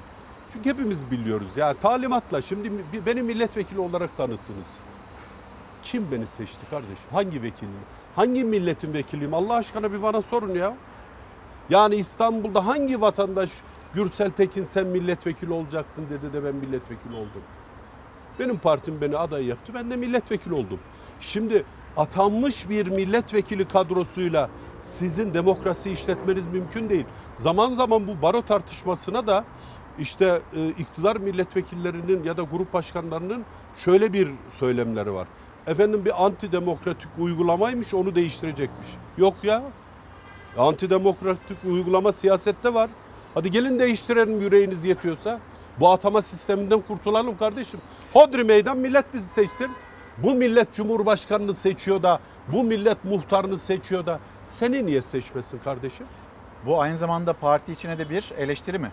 Efendim sisteme eleştiri. Parti içi değil. Sistem öyle bir şey getirmiş ki. Yani siyasi, sistem, siyasi partiler siyasi partiler yasası ya da Tabii. bunu konuşuyorsak Siyasi partiler böyle bir yasası. değerlendirme yapalım. Bunu hayata geçirelim Tabii ki. diyorsunuz. Siyasi partiler yasasını değiştirelim. Tıpkı 80 öncesi sadece liderlerin %5 kontenjanı vardı. %95'i milletin iradesiyle seçiliyordu. O zaman milletin iradesiyle seçilen milletvekillerin milletin kararına göre karar verirler. O kararı sadece saray nasıl tarif ediyorsa ona göre vermek zorunda yani. Şimdi bu barolar meselesi siz dikkatinizi çok fazla bu noktada tutmuyorsunuz. Tutmuyoruz, Özellikle tutmuyorsunuz. Tabii hukukçu Yanınızda- arkadaşlarımız var. Evet, yanınızda e, belgeler var. Onu da sizden dinleyeceğim kuşkusuz. Vatandaşın özellikle dikkat kesildiği konular nedir? Ee, İlker Bey gelmeden önce ben e, sürekli e, alanlardayım. Yani istisnasız her ay e, bir iki pazarı ziyaret ederim. E, İstanbul'un bütün çeperlerine giderim. Yani örneğin e, Afgan mahallesine daha geçen gün gittim. Filistin mahallesine gittim. Birçok insanlara sorduğunuzda bu mahallelerin nerede olduğunu da bilmeyecekler. Ben biliyorum yani. İstanbul milletvekillerine yayınınızdan sonra da sorabilirsiniz. Nijerya mahallesine gittim, Afrika mahallesi ne oluyor yani? Öyle Buralarda- mahalle mi var? Afgan Elbette mahallesi, olmaz mı? Yani bunların e, hepsi Afrika var. mahallesi. Tabii ki yani İstanbul dediğiniz İstanbul bugün dünyada 107 ülkeden büyük bir şehir haline geldi. Bir başka bir şehir oldu. Ama yönetenler de bunun çok farkında değildir. Öyle bir duruma geldi ki bu belgeler nedir, niçin getirdim? Biz her şeyi unutuyoruz. Üstüne sümen çünkü gündem sürekli dolu. Dolu olunca geriye dönük sorgulama imkanımız da yok. Kusura bakmayın yani biraz medyayı da eleştirmek istiyorum. Sadece üstünüze alınmayın. Fikir takip diye bir şey kalmamış. Bugün Ya tam mesela- da onu yapıyoruz. Sonra ne oldu diye demiyorum. soruyoruz. Yok yani Genel biz ya, en azından niye kardeşim bir 100 açı- kanal var yani sadece bu, bu Fox'un görevi bir mi? başlıktan bir başlıktan devam etmek adına söylüyorum. En azından hani Fox Fox'un da çok izlendiğini de yine söylemiş olayım. Ee, hani Hasankeyf meselesi. Sonra ne oldu? Sonra nasıl oldu? Nasıl tamamlandı? Ortaya çıkan güzel miydi, değil miydi? 40 milyarlık, 50 milyarlık bir gelirden, turizm gelirinden söz ediliyor. Eski haliyle kalsaydı acaba çok daha fazlası yapılamaz mıydı? Başarılamaz mıydı? Ya birincisi bir kere şu. Haberi paylaşalım mı be? Tabii Müsaadenizle. 12, Hah. yi- 12 bin yıllık bir tarih. Tarihçilere bir sorun Allah aşkına. Efendim şimdi bir haberimizi paylaşalım, konuşalım.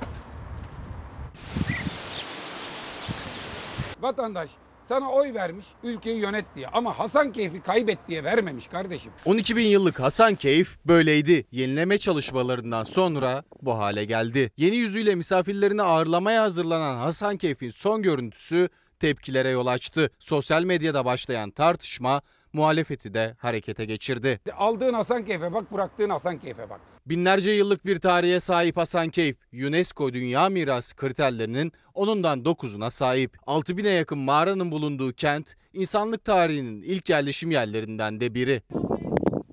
Ancak bu dünya mirası eski adıyla Ilısu, yeni adıyla Veysel Eroğlu Barajı nedeniyle sular altında kaldı. Birçok tarihi eser yeni yerine taşındı. Hasankeyf Kaymakamı Haluk Koç kentin modernleşen yüzünün turistlerin ilgi odağı olacağını söyledi. 40-50 milyon liralık yıllık e, bir e, ekonomik büyüklüğe ulaşacağımızı hedefliyoruz. Buradaki çevre düzenlemesi işleriyle de bittiğinde e, eski ile yeninin meczedildiği, birleştirildiği ve kendi hafızasını koruyan bir Hasankeyf'i de burada devam ettirilmiş ve medeniyetin içerisinde, tarihi sürecin içerisinde yeni bir aşamayı da birlikte idrak etmiş olacağız. Kentin son hali özellikle sosyal medyada eleştiri konusu oldu. Tarihi dokunun yok edildiği, betonlaştırıldığı öne sürüldü. Çalar Saat'te İlker Karagöz'ün konuğu olan CHP Grup Başkan Vekili Özgür Özel de eleştirilere hak verdi. Yıllardır Hasan keyf korunacak, taşınacak, eskisinden güzel olacak. Gördük güzelini.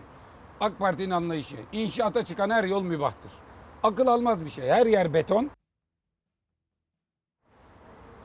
Nasıl buldunuz efendim Hasankeyf'in son halini? Rezillik ya. Yazık ya. Yazık. Yani Bir de- 12 bin yıllık Tabii bir bir de ne, ne e, kadar Hasankeyf- turist gelecekmiş. Efendim? Ne kadar milyarlık gelir gelecekmiş turizm geliri? 40 milyar 50 milyarlık bir ya beklenti. şaka gibi 50 milyar. Komedi ya vallahi komedi ya. Batman'a 50 milyar. Ya eski parayla söylüyorum milyon tabii. Bakayım düzeltmeyeyim yani hata da yapmayalım. Milyar. Milyar mı? ne diyorsun Milyon ya? mu? Ha milyon. Milyonluk. Milyon, ha. Değer mi 40 milyona ya? Değer mi o tarihi bozmaya kardeşim 40 milyon? Öyle bir şey de yok yani. Önünüzde belgeler var. Ee, bu belgeler nedir, neyi içerir? Bir yandan siz e, Kanal İstanbul'u takip ediyorsunuz. İşte kentsel dönüşüm ve ortaya e, çıkabilen e, arızalı durumları da anlatmaya, kamuoyuna duyurmaya çalışıyorsunuz. Nedir elinizdeki belgeler anlatır mısınız? Bu elimdeki belge öncelikle şu belgeyi göstermek istiyorum. Bu darbeden sonra FETÖ'nün e, dönemin e, bakanı, Çevre Şehircilik Bakanı Sayın Özeseki e, vatan topraklarına el koyduk dedi. Ve bu vatan topraklarının rakamsal olarak da 55 milyar dolar demişti. 55 Şimdi milyar dolar. 55 milyar dolar.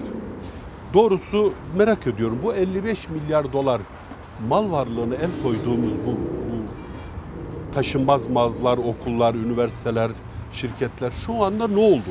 Nasıl satıldı, kime satıldı, değerine göre mi satıldı doğrusu hiçbirimiz bilmiyoruz. Halbuki bunu hepimizin bilmesi lazım çünkü hepimizin ortak malı. Ve aynı zamanda hani işte sürekli söylenir AKP-FETÖ ilişkisi, AKP-FETÖ ilişkisini buradan çözebilirsiniz. Yani 80 ilin tamamında arsa tahsis edilmiş. Örneğin mesela bir tanesini söyleyeyim. Ee, deprem toplama alanıydı İstanbul'daki bunların meşhur gazete ve televizyonunun olduğu bina. O dönem dönemin bakanı burayı 2 milyon dolara önce kiraya verdiler. 49 milyon yıllığına kiraya verdiler. Sonra 6 ay süre yani çok uzun süre geçmeden satışa çıktı. Doğal olarak kiralanmış bir yeri bir başkasının alma imkanı mümkün değil. 2 milyon dolara burayı satın aldılar. 2 milyon dolar. Ve burası imarsız. Hani imar uygulamalarını yaparsınız, hiç olmasa değerinde satarsınız. Ve bugünkü ekonomik değeri en az 500 milyon dolardır. Şimdi bütün bu arsayı tahsis eden, buna peşkeş çekenlerle ilgili bir tek soruşturma açılmadı. Yani bu kadar önemli İstanbul'un değerlerini siz birine peşkeş çekiyorsunuz. Peşkeş çekenlerle ilgili bir soruşturma bile yoksa kazaren onun okulunda çalışan bir odacıya soruşturma açıyorsanız bu vicdansızlıktır Sayın Bakan. Sayın Adalet Bakanı'na çağrıda bulunmak istiyorum. Eğer FETÖ'yü çözmek istiyorsanız bu dosyaya bakacaksınız. İkinci dosya nedir? İkinci dosya bu pandeminin bütün bu şeyine rağmen, sorununa rağmen hızla Türkiye'nin dört bir yanında arsa satışları devam ediyor. Hızla. Efendim devletin ihtiyacıdır, ekonomik kriz var falan diyebilirsiniz. Ona da itiraz etmiyorum. Ama önce şehrin ihtiyacına bakacaksınız. Şehrin ihtiyacı varsa bunu satamazsınız. Hele hele İstanbul gibi yerde.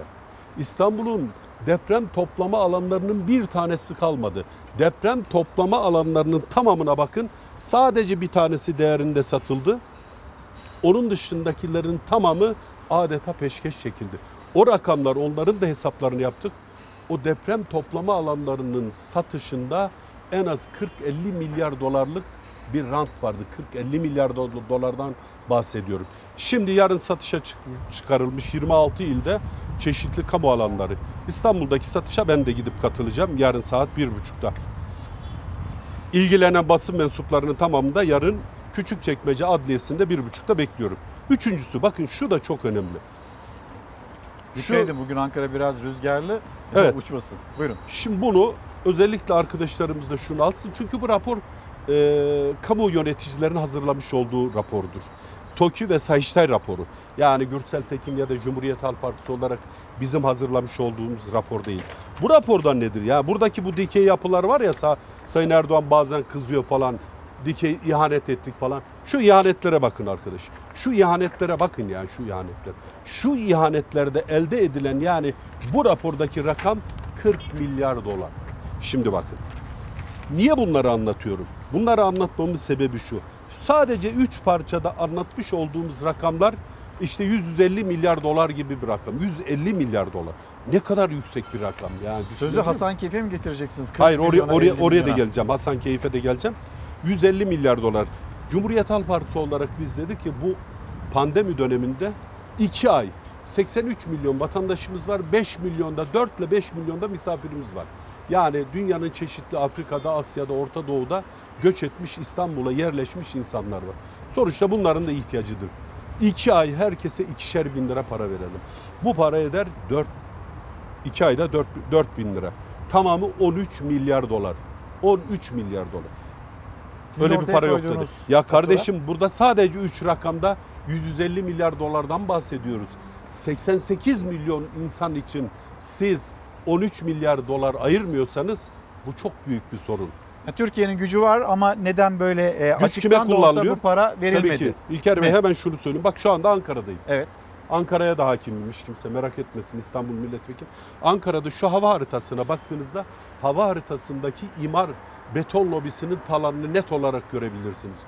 Bir Türkiye Cumhuriyeti vatandaşı olarak da başkentte bu milletvekilliği yapan bir insan olarak da bir utancımı da ifade etmek istiyorum. Bütün hava haritasında bakın 3 tane yeşil alan var. Zamanında yapılmış bu parklar, mezarlık alanı ve konsolosluklar kardeşim. Şuraya keşke imkan olsa da gösterebilsek. Böyle bir şey olabilir mi?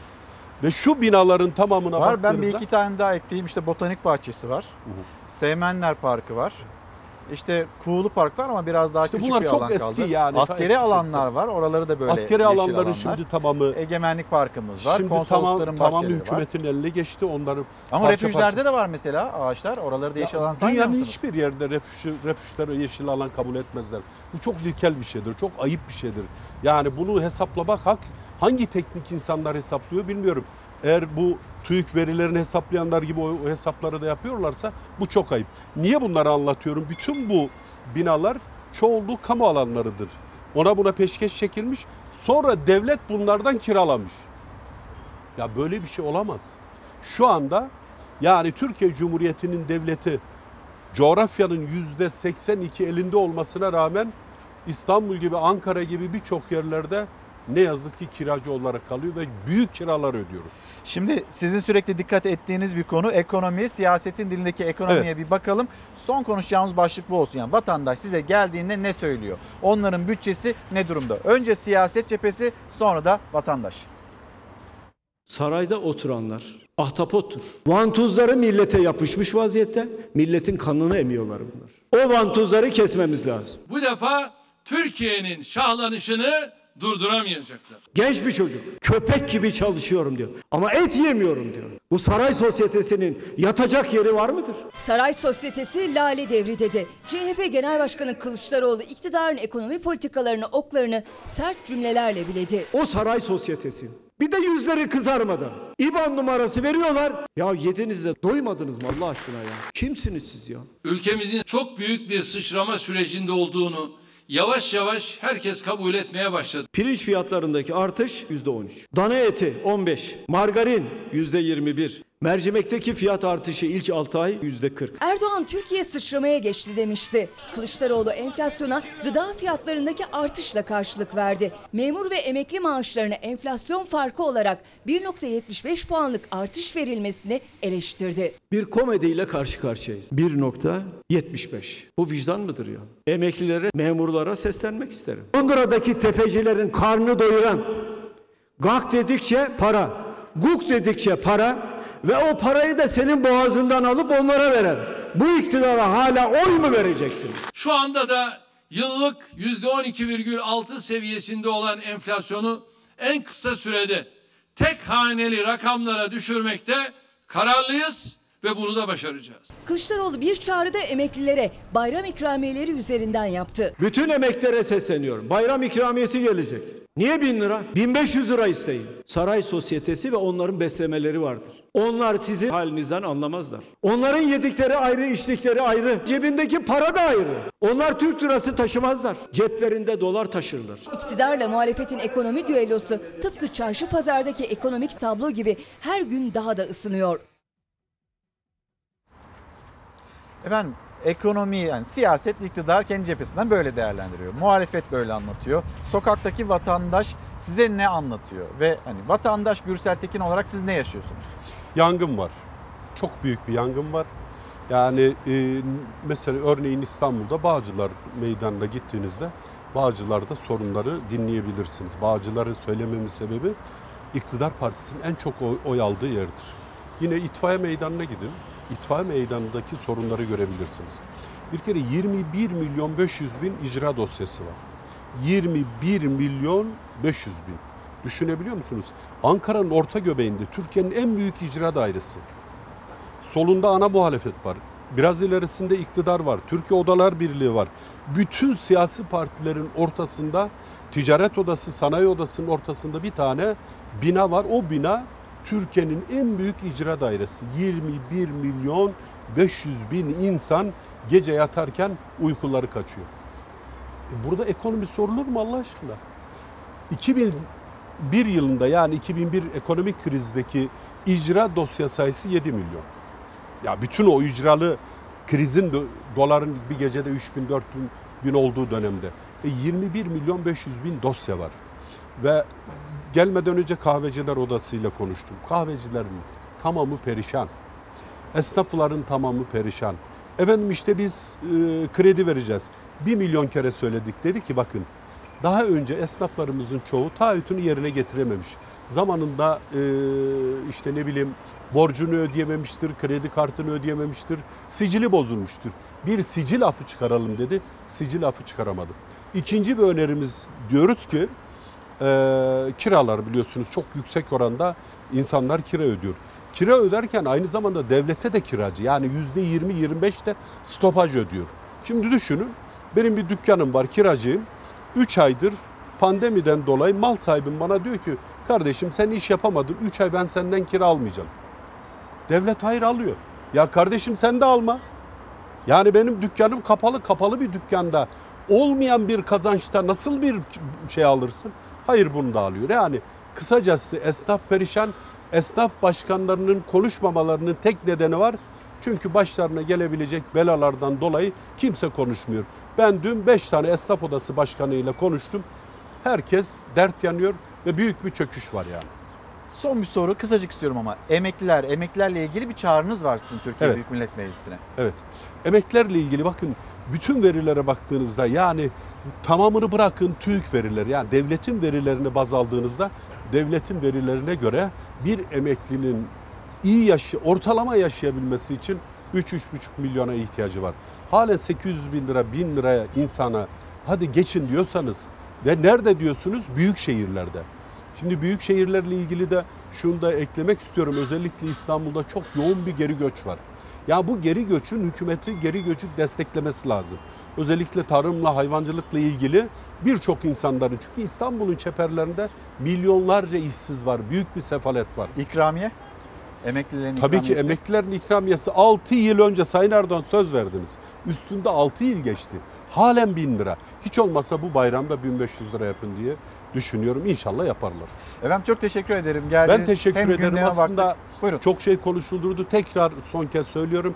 Yarın Türkiye'nin 26 ilinde devletin çok önemli kamu alanları satılıyor ve adeta peşkeş çekiliyor. Çünkü dün Kocaeli'nde satılan, geçen hafta Balıkesir'de satılana baktım. 200 milyonluk yerin 13 milyona gittiğini gördüm. İçim acıdı. İnşallah iktidar mensuplarının da içi acır diye düşünüyorum. Teşekkürler. Cumhuriyet Halk Partisi İstanbul Milletvekili Gürsel Tekin'le konuştuk. Hem ekonomi hem de siyasetin başlarını. Şimdi bir mola vereceğiz. Hızlı bir şekilde de döneceğiz. Devam ediyoruz. Sonra ne oldu? Başlığı altında konuşurken sizlerden gelen mesajlar var. Reklam arasında onlara bakmaya gayret ettim. Yavaş yavaş Ankara'dan yapıyoruz, gerçekleştiriyoruz yayınımızı.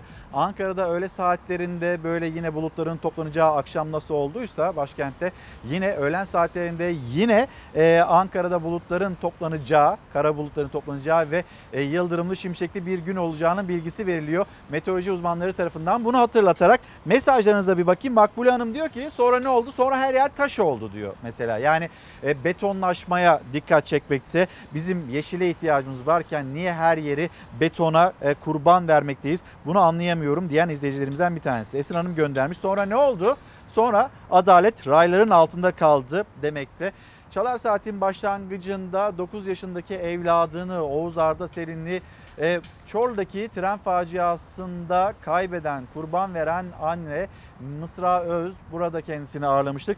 Adalet arayışı devam ediyor. Sonra ne oldu? Üzerinden iki yıl geçti ve işte Çorlulu ailelerin, Çorlu tren faciasında yakınlarını kaybedenlerin aileleri, onların adalet e, arayışları devam ediyor. Ne dediler peki? O adalet yolculuğu içinde, arayışı içinde şov yapıyorsunuz. Kendinizi ön plana çıkarmaya çalışıyorsunuz denildi.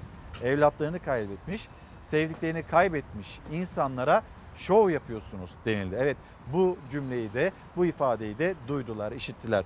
Ve e, Twitter'dan gelen mesajlara baktık bir de Instagram'dan Turgay Karaemir sesini duyurmak istiyor. Sağlık Bakanlığı'na eğer böyle bir adım atılacaksa lütfen atılmasın. Biz pandemi sürecinde inanılmaz yoğun bir mücadele veriyoruz, vermeye de devam ediyoruz demekte.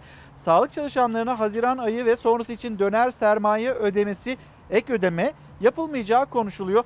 Öyle bir şey olduğunu ya da olacağını zannetmiyorum ama yine de sesinizi yetkililere duyurmuş olalım. Gelelim Sözcü gazetesi gazete turumuzu da yürütüyor, sürdürüyor olalım. Reklama 81 milyon lira, dereye 31 milyon lira. Geçen ay selde 6 kişinin öldüğü Bursa'da belediyenin reklam, e, ikram ve ağırlamaya harcadığı para dikkat çekti. Çünkü belediye reklama 2 yılda 80.9 milyon lira harcadı. Taşan derelerin ıslahı için 3 yılda 30.9 milyon lira ödenek kullandı. Arada uçurum var. Yani reklama harcanacağına bu dere, dere yataklarının ıslahına bu paralar harcansaydı da insanlar yaşamlarını yitirmeselerdi. İşte bunun haberi. Gelelim Hürriyet Gazetesi. Hürriyet Gazetesi'nin manşeti tavuk döner kazandı. Nedir? Hemen detayına bakalım. Bugün Türkiye Gazetesi'nin de ilk sayfasında manşetinde bu haber var. Yeni gıda düzenlemesi aynen yasalaşırsa elinde hiçbir kanıt olmadan tavuk döner kanser yapar diyen Profesör Doktor Canan Karatay gibi hocalara para cezası verilebilecek. Meclis Tarım, Orman ve Köy Komisyonu'ndan geçen düzenlemeye göre Hiç kimse bilimsel dayanağı olmadan gıdalarla ilgili yanıltıcı açıklama yapamayacak.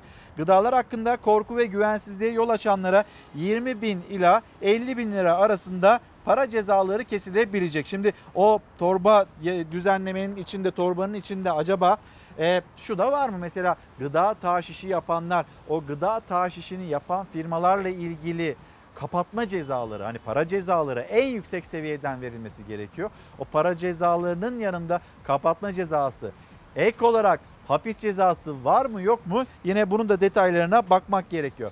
Gelelim koronavirüs gündemine. Tedbirli miyiz, değil miyiz? İşte biz 11 Mart'tan sonra evlerimize kapandık. Bayramlarımızı evlerimizde geçirmek zorunda kaldık. Sevdiklerimizden uzak kaldık. Dikkatli bir şekilde hayatımızı yaşamaya çalışıyoruz.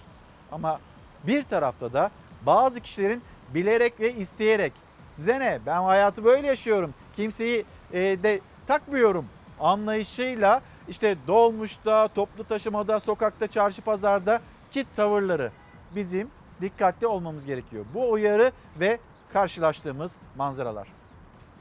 Kaplan kapıyı açar mısın? Ayaktaki yolcular inelim öyle. Ayaktaki yolcular inelim. 14 kişi olması gereken minibüste 15 değil, 16 değil, 20 değil, 30 değil, 40 değil. Tam 42 yolcu çıktı. Salgın tedbirleri bir kez daha hiçe sayıldı. Ayakta yolcu kalmasın. Bu görüntüleri trafik polis ekipleri İstanbul Esenyurt'ta kaydetti. Polis toplu taşıma araçlarında koronavirüs tedbirleri denetimi yapıyordu. Bir minibüsü durdurdu. Normalde o minibüste en fazla 14 kişi olması gerekiyordu. Ancak şoför o kadar çok yolcu almıştı ki aracın kapısı bile kapanmıyordu. Ayaktaki arkadaşlar inelim lütfen. Beyefendi siz de alalım aşağıya. Polis yolculardan inmesini istedi ve o minibüste ayakta tam 26 yolcu vardı. Minibüs şoförüne 3000 liradan fazla ceza kesildi. Beyefendi siz de alalım aşağıya.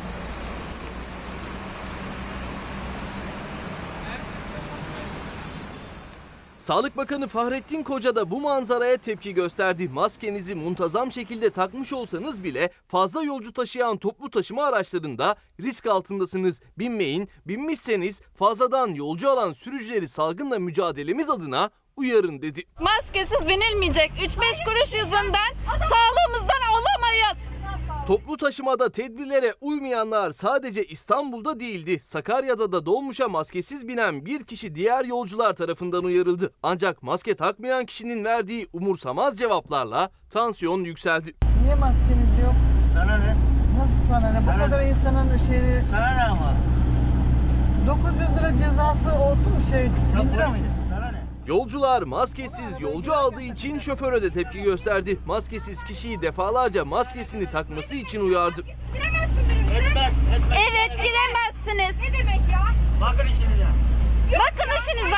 Bu görüntüleri atacağım polise. Göreceksin. Sözlü tartışma sonrası cep telefonu kamerasıyla kaydedildiğini gören kişi maskesini taktı ama yaptığı yanlışı savunmaya da devam etti. Aslında Karakol oradaki çıkar. şoförde de hata var. Bakacağım. Şoför uyaracak. Evet şoför. binilmeyecek. Öte yandan asker uğurlama törenleriyle salgına karşı verilen mücadelenin risk altına girmesi sonucu İstanbul ve Ankara'da özel tedbirler alındı. İki büyük şehirde de asker uğurlama eğlenceleri yasaklandı. Askerlik yükümlülüklerinden, askerlik şubelerinden, sevk işlemlerinden birliklerine katılıncaya dek pandemi tedbirlerini ihlal edecek uğurlama, tören, eğlence, konvoy gibi aktivitelerde bulunmayacaklarına dair taahhütname alınması kararlaştırıldı.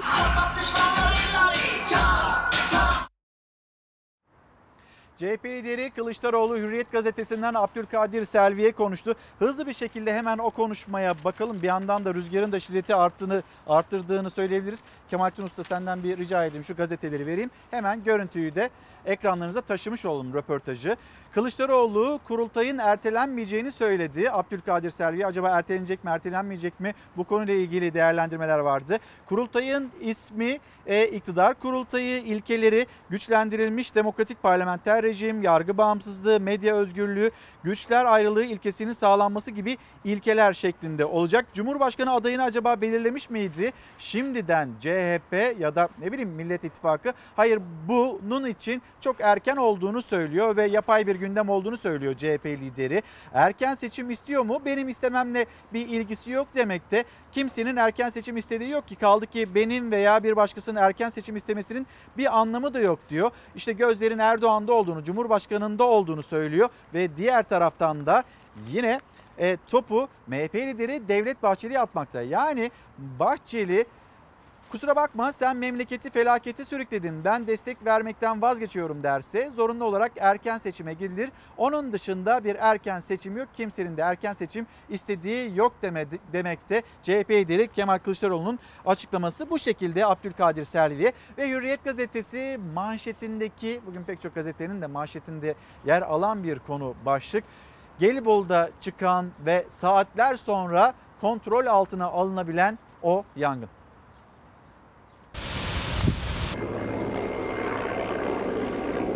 Şu ana kadar 450 hektar alanımız etkilenmiş gözüküyor. Tarihi Gelibolu Yarımadası'nda çıkan yangın 19 saat sonra kontrol altına alındı. Alevler 630 futbol sahası büyüklüğündeki bir alanı yok etti. Zeytinliklerimiz yandı. Çatır çatır. Çanakkale'nin Gelibolu ilçesi Ilgardere bölgesinden saat 14.50 sıralarında alevler yükseldi. Rüzgarın da etkisiyle kısa sürede yayılan yangın Kumköy ve Yalova köylerini tehdit etmeye başladı. Hepsi yandı. Hiçbir şeyimiz kalmadı. Tarlalarımız gitti. Allah evlerimizi korusun. Biz şimdi bu akşam evlerimizi bekliyoruz. Yangına 20 helikopter, 2 uçak, 118 yangın söndürme aracı, 20 dozer ve 510 personelle müdahale edildi. Köylüler evlerini ve tarlalarını kurtarmanın telaşına düştü. Tarlaları yanan vatandaşlar gözyaşlarına boğuldu. Allah'ım yarabbim. Yandım Allah'ım yandım. Havanın kararmasıyla söndürme çalışmalarına ara verildi. Günün ilk ışıklarıyla birlikte yangın söndürme helikopteri ve uçaklar ardı ardına havalandı. Yangın rüzgarın şiddetinin azalmasıyla 19 saatin sonunda kontrol altına alındı. Birkaç gün sürmesi beklenen soğutma çalışmalarına başlandı. Ula çabuk. Allah'ım sen koru ya. Artvin'in Yusufeli ilçesine bağlı Dokumacılar köyünde ise ahşap evde çıkan yangın rüzgarın etkisiyle büyüdü. Diğer evlere sıçradı. Evlerde bulunanlar canavliyle kendilerini dışarı attı. Alevler 30 evi küle çevirdi. 40 kişinin yaşadığı köyde tek teselli can kaybının yaşanmamasıydı. Nereden çıktığını anlayamadım. Dışarı gelmemiz zor. 7 kişinin can verdiği Hendek'teki patlama, kurulan o masa siyasetin gündeminde ve bir görüntü Ali Onur Tosun Fox Haber'den bir görüntüyü ele geçirdi ve sizi yıllar öncesine götüreceğiz. 11 Şubat 2011 tarihine bir işçinin öldüğü, 20 işçinin yaralandığı o patlamaya götüreceğiz. O patlamanın ardından yargıdan hangi karar çıktı ve o patlamanın sorumluları acaba bir gün bile hapis yattılar mı yatmadılar mı? Bunun haberini izleyeceksiniz. 7 kişinin can verdiği patlama sonrası büyük tepki çeken yemekli toplantı için fabrika sahibi mekanı belediye ayarladı dedi. Hendek Belediyesi'nden sert karşılık geldi. Sözleri külliyen yalan, eleştirilere bizi de ortak etmek için kurgulanmış bir oyun denilmekte. O masayı kim kurdu, kim kurmadı yan bir gündem. Orada 7 kişi hayatını kaybetti ve bu faciadan sonra tutuklanan kişiler var. Gecenin sıcak haberlerinden bir tanesi yine bir tutuklamanın fabrikanın sorumlu kişisinin e, tutuklandığının e, yönünde bir bilgi. Ve bir geri dönelim istiyoruz. 2011 yılına, 2011 yılındaki patlama ve yargıdan çıkan bir karar. O karar zamanında daha dikkatli uygulansaydı ya da bir çıkan karar uygulansaydı belki bugün biz bu faciayı yaşamamış olacaktık. Bilinçli taksirden fabrika müdürü e, Fatih Coşkun ve e, diğer kardeşi aleyhinde bilinçli taksirden 4,5 yıl hapis cezası verildi. Diğeri de Yaşar Coşkun. Şu anda da ceza indirimleri olduğu için muhtemelen de yatmayacak. Yani o 4,5 yıl öyle e, kağıt üstünde kalmış olacak. Bravo Fişek fabrikasında olan patlamada benim eşim vefat etmiştir. Kağıt üzerine ceza aldırmakla bu iş olmuyor. Ölen insanların yakınlarının bir nebzede acılarının hafiflemesi için ceza almalarını istiyoruz. Acıları hiç hafiflemedi. Ceza kağıt üstünde kaldı. Sakarya Hendek'teki havai fişek fabrikasında 2011'de de facia yaşanmıştı. Patlamada bir çocuk annesi Hediye Hallaç hayatını kaybetti. Oğlu Yusuf henüz 7 yaşında öksüz kaldı. Fabrika sahibi Yaşar Coşkun ve amcası ise o dönemde yargılandı, hapis cezası aldı. Ancak bir gün bile cezaevine girmediler. O dönemde bir ölü 20'nin üzerinde yaralı vardı. Ancak bir ikisi şikayetçi oldu. Diğerleri şikayetlerini geri aldılar. Ee, muhtemelen şeyleri, tazminatları ödenerek şikayetten vazgeçirildiler. Bu patlamadan sonra 9 yıl kadar mahkemelerle ceza almaları için uğraştım. Biz şikayetimize devam ettirdik. Ceza davasını takip ettik. O ceza davası patlamadan tam 8 yıl sonra sonuçlandı. Bugün de fabrikada yöneticilik yapan Fatih Coşkun ve Yaşar Coşkun 4 yıl 5 ay 10'ar gün hapis cezasına çarptırıldı. İşte bunlar da belgeleri. Karar 17 Haziran 2019 tarihinde kesinleşmiş görünüyor. 2019'da kesinleşti. Ancak e, muhtemelen infaz ertelemesi istediler. 2011'deki patlamada yaşamını yitiren Hediye Hallaç'ın ailesinin avukatı Celal Köksal'a göre Haziran 2019'da verilen ceza bir yıl ertelendi. Tam da bu süreçte Nisan 2020'de ceza infaz düzenlemesi meclisten geçti, yürürlüğe girdi. 4 yıl 5 ay 10 günlük hapis cezası böylelikle uygulanmadı. Fabrika sahibi Yaşar Coşkun ve amcası Fatih Coşkun cezaevine girmedi. Bu tür insanların ceza almalarını istiyorum. Bu tür iş yerlerinin e, pek güvenli olmadığını kanıtladım mahkemeye. Kapatılmasıyla alakalı e, dilekçeler verdim. Fakat ka- kapatılmadı. Hala da devam ediyor. O zaman zaten mahkemede yapılan bilirkişi raporunda e, orada e, maalesef bu stoklamadan kaynaklı, fazla stoklamadan kaynaklı bir sıkıntıydı. E, bilirkişi raporunda da e, oranın fabrika sahibine, yönetim kurulu başkanına zaten kusur verildi. 2011'deki patlamanın ardından bilirkişi raporuna yansıyan o fazla stok tespiti, Cuma günü 7 işçinin hayatını kaybettiği patlamadan sonra tutuklanan iş güvenliği uzmanının ifadesine de yansıdı. Yani yıllar geçti ama facialardan ders alınmadı. Fabrika müdürü olan HAV ile ustabaşı EÖ işçilere daha fazla üretim için baskı yapmaktaydı.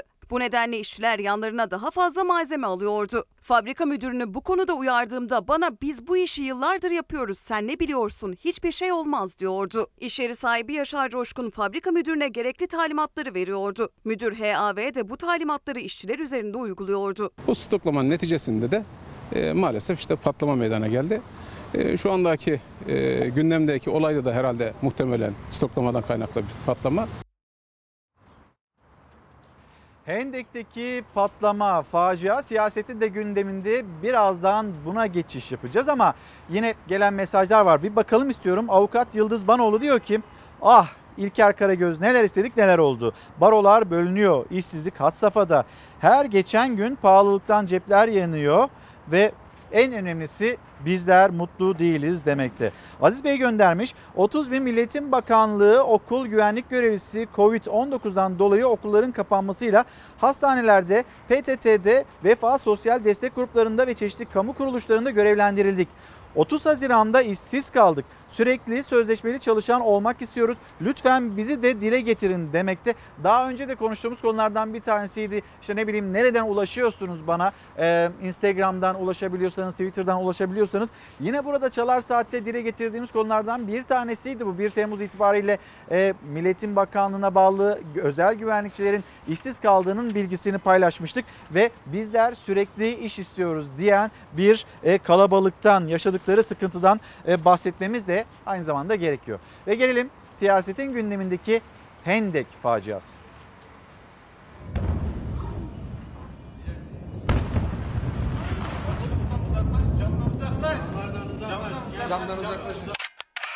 İnsanlar ağlıyorlar, acıları var. Müsiyad'ın Sakarya temsilcisi. Akşam bir yemek veriliyor, bir ziyafet. Bir de sıkılmadan, utanmadan ziyafeti de paylaşıyorlar sosyal medyada. Ya daha cesetler defnedilmedi.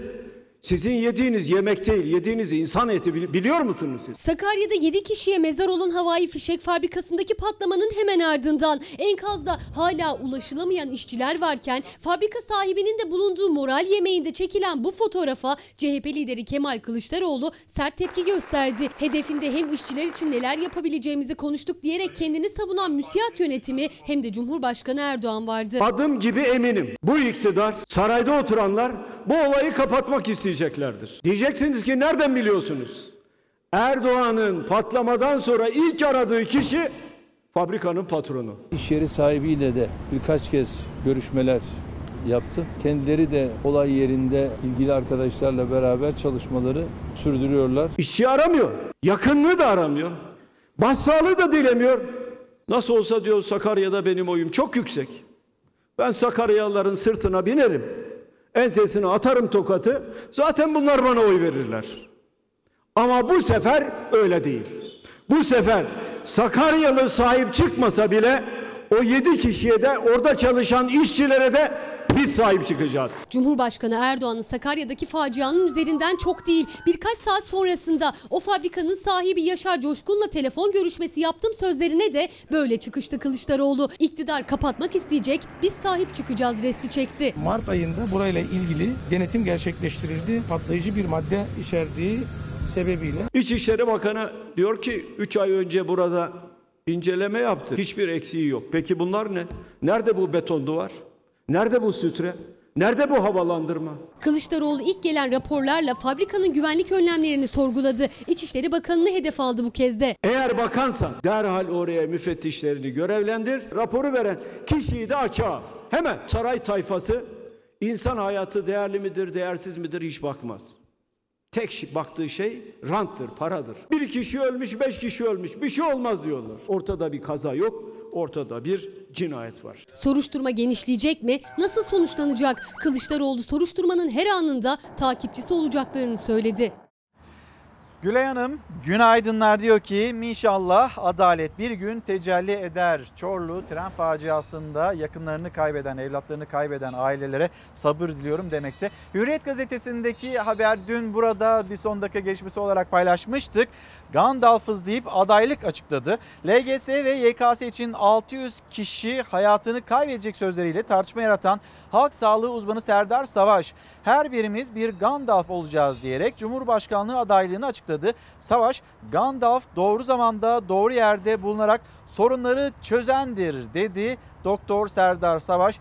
Cumhurbaşkanlığı adaylığını ilk açıklayan isim oldu. Şimdi siyaset, siyasetin dikkat kesildiği bir konu elbette. Şimdi erken seçim olacak mı, olmayacak mı? Kabinede bir revizyon olacak mı, olmayacak mı? Siyaset kulisleri bunları konuşuyor. Diğer yandan da böyle zaman 2023'e zamanda yapılırsa tabii seçimler bu tarihe doğru akıp giderken acaba Cumhur İttifakı'nın adayı kim olacak o belli. Millet İttifakı acaba dağılacaklar mı? Her bir ayrı ayrı bir e, Cumhurbaşkanı adayını belirleyecek. Bu konular gündemde olacak. Bu konuları konuşuyor olacağız bizler de. Diğer yandan erken seçimle ilgili Meral Akşener'in cümlelerini hatırlatmıştık dün. Meral Akşener masasında diyor Cumhurbaşkanı Erdoğan'ın ama olur mu olmaz mı bilmiyorum diyor. CHP lideri Kılıçdaroğlu kimsenin gündeminde böyle bir şey yok deyip topu Bahçeli'ye atmakta. Ekonomik olarak yetemiyorsunuz, yapamıyorsunuz, başaramıyorsunuz ben desteğimi çekiyorum derse Bahçeli evet Türkiye o zaman bir erken seçime gidebilir. Şimdi siyasetin konularına geri dönecek olursak eskinin yol arkadaşları şimdi birbirlerine sert sözlerle yükleniyorlar. Siyaseten şahsen ben ne Ali Babacan gibi düşünüyorum, ne Ahmet Davutoğlu gibi düşünüyorum, ne de Abdullah Gül gibi düşünüyorum. Dış politikayı amigo kafasıyla, ekonomiyi de borsa simsarı aklıyla yönetenler bu felaketler sürpriz değil. Kinle, öfkeyle, benlikle açığa çıkıp da aşırı sözler söylemenin hiç kimseye bir faydası olmaz. İktidarın hedefindeki isimler AK Parti'den ayrılan ve kendi partilerinin başına geçen iki isim Ali Babacan ve Ahmet Davutoğlu. Bu kez ikili için konuşan AK Parti Genel Başkan Yardımcısı Mehmet Özhaseki'ydi. Adamlık vurgusuyla eleştirdi. Ayrılındı. Taraflara düşen nedir? Saygılı olmaktır, defteri kapatmaktır, bir cümle etmemektir. Adamlık bunu icap ettirir. Biz bu işte bir arıza var derken boşuna demiyoruz. Arıza tam da sizin ciddiyetsiz ve liyakatsiz bakanlarınızda, milleti hafife alan kibrinizde, ucube cumhurbaşkanlığı sisteminizde. Kendi işlerini iyi yapmaya odaklanmaları lazım. Başkalarına sataşacaklarına. Her geçen saat Bu ülke zarar ediyor. Karşılıklı söz düelloları arttı. Kimse geri adım atmıyor, sözünü esirgemiyor. Cumhurbaşkanı Erdoğan parti içine Deva ve Gelecek partileriyle meşgul olmayın talimatını vermişti. Özsaseki her ne kadar gündemimizde yoklar dese de eski çalışma arkadaşları için sertti. Gül'ün ben bunu çok açtığını görmedim. Çok bir şey söylemiyor ama bazıları ne yazık ki ismini zikretmiyorum. Çok yakışık almayacak şekilde eleştirilere devam ediyor. E kendileri bilir. Gündemimizde yok zaten o partilerde. Tartışmaların gölgesinde Deva Partisi Genel Merkezi'ni de açtı. Ama alışılmış açılışlar gibi olmadı. Pandemi sürecinden dolayı açılış internet üzerinden yapıldı. Bu da Türk siyaset tarihinde bir ilk oldu. Türkiye'nin merkezini açmış bulunuyoruz. Veysel Büyükkılıç günaydınlar. Sonra ne oldu? Başlığının devamını şöyle getiriyor. Açık e, Anadolu Üniversitesi Açık Öğretim Fakültesi öğrencilerin mağdur. 1 milyon e, öğrenci işte kıyıma uğruyorlar. Biz Açık Öğretim Fakültesinde bir yaz okulu istiyoruz. Bu çağrıyı dillendiriyorlar. Dün de çok mesaj gelmişti bu konuyla ilgili. Bugün de yine mesajlar geliyor. Hayatın belirli yerlerinde normalleşmeler sağlanıyorsa o zaman bizimle ilgili bu yaz okulu e, düşüncesi, isteğimiz o da gündeme gelebilir demekte e, öğrenci arkadaşlarımız. Yine e, 31 Ağustos tarihinde biz kapsamlı bir şekilde okulların açılıyor olmasını konuşuyorsak bizimle ilgili yaz okulu konusu neden gündeme gelmez? Bir diğer eleştiri konusu yine öğrenci arkadaşlarımızın bugün saatler 17'yi gösterdiğinde bilim kurulu yine toplanacak telekonferans yöntemiyle ve saatler 19'u gösterdiğinde de Sağlık Bakanı Fahrettin Koca kameraların karşısına geçecek. Hem günün tablosunu anlatacak bizlere hem de aynı zamanda biz neyi nerede doğru yapıyoruz, nerede yanlış yapıyoruz. Bu okulların açılması ile ilgili 4 metrekarelik bir alan hani bir kişi, bir öğrenci, bir öğretmen ancak böyle bir alan içinde tek başına olacak deniliyor. Bu ne kadar mümkün, ne kadar değil yine Sağlık Bakanı Fahrettin Koca'ya yöneltilecek olan sorulardan bir tanesi bu olacak. Ali Babacan, e, Deva Partisi lideri kendisinin e, ekonomiye dair cümlelerine bakmıştık. Bir de siyasete dair cümlelerine bakalım. Hani eski yol arkadaşları adamlık geçmiş dönemle ilgili konuşmamayı gerektirir demekteyken dijital olarak partisinin binasının açılışını yapan e, Ali Babacan hayır konuşmayı tercih eden isimlerden bir tanesi. Deva Genel Merkezi'nde dijital açılış kutuplaşma siyasetine bulaşmayacağız. Babacan partisinin manifestosunu açıkladı. Türkiye'de teknolojiye yasaklarla yaklaşan dislike attı diye gençleri karşısına alan bir anlayış var. İmar rantına dayalı büyüme yerine üretime öncelik tanıyacağız diyor ve cümlelerini bakın başka hangi mesajlarla cümlelerini devam ettiriyor. Ekonomi alanındaki en önemli önceliğimiz başta gençler ve kadınlar olmak üzere işsizlik sorunuyla mücadele etmektir. Biliyorsunuz şu anda Türkiye'de işsizlik sorunu tarihimizde hiçbir zaman olmadığı kadar yüksek büyük bir sorun olarak karşımızda duruyor. TÜİK'in istatistiklerin tuttuğu ilk günden bugüne kadar baktığımızda ciddi bir işsizlik sorunuyla karşı karşıyayız ve son iki yılda Türkiye'de çalışan insan sayısı 3 milyon kişi azaldı. Bu ciddi bir problem. Peki ne yapacağız?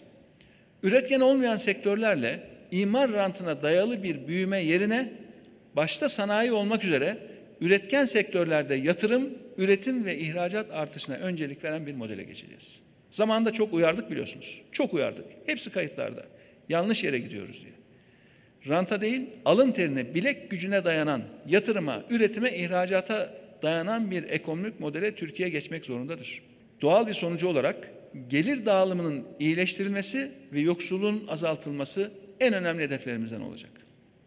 Başta kadınlar ve gençler olmak üzere tüm vatandaşlarımızın ekonomik hayata katılımlarını artırarak hem ülkemizin büyüme hızını artıracağız hem de herkesin bu büyümeden adil bir şekilde payını almasını sağlayacağız. Deva Partisi olarak güçlü bir ekonomi için teşebbüs hürriyetini ve mülkiyet hakkını olmazsa olmaz koşullar olarak görmekteyiz. Rekabeti bozan, haksız kazanca yol açan kamu müdahalelerine, devlet müdahalelerine de sonuna kadar karşıyız. Düzenleyici ve denetleyici kurumların bağımsız ve etkin çalıştığı bir piyasa ekonomisi anlayışını esas alacağız. Politika ve uygulamalarımızda sosyal refah ve adaleti, insani çalışma koşullarını ve doğa ve çevrenin korunmasını en üst düzeyde dikkate alacağız. Enflasyonu düşük tek haneli düzeye indirmek temel hedefimiz olacak.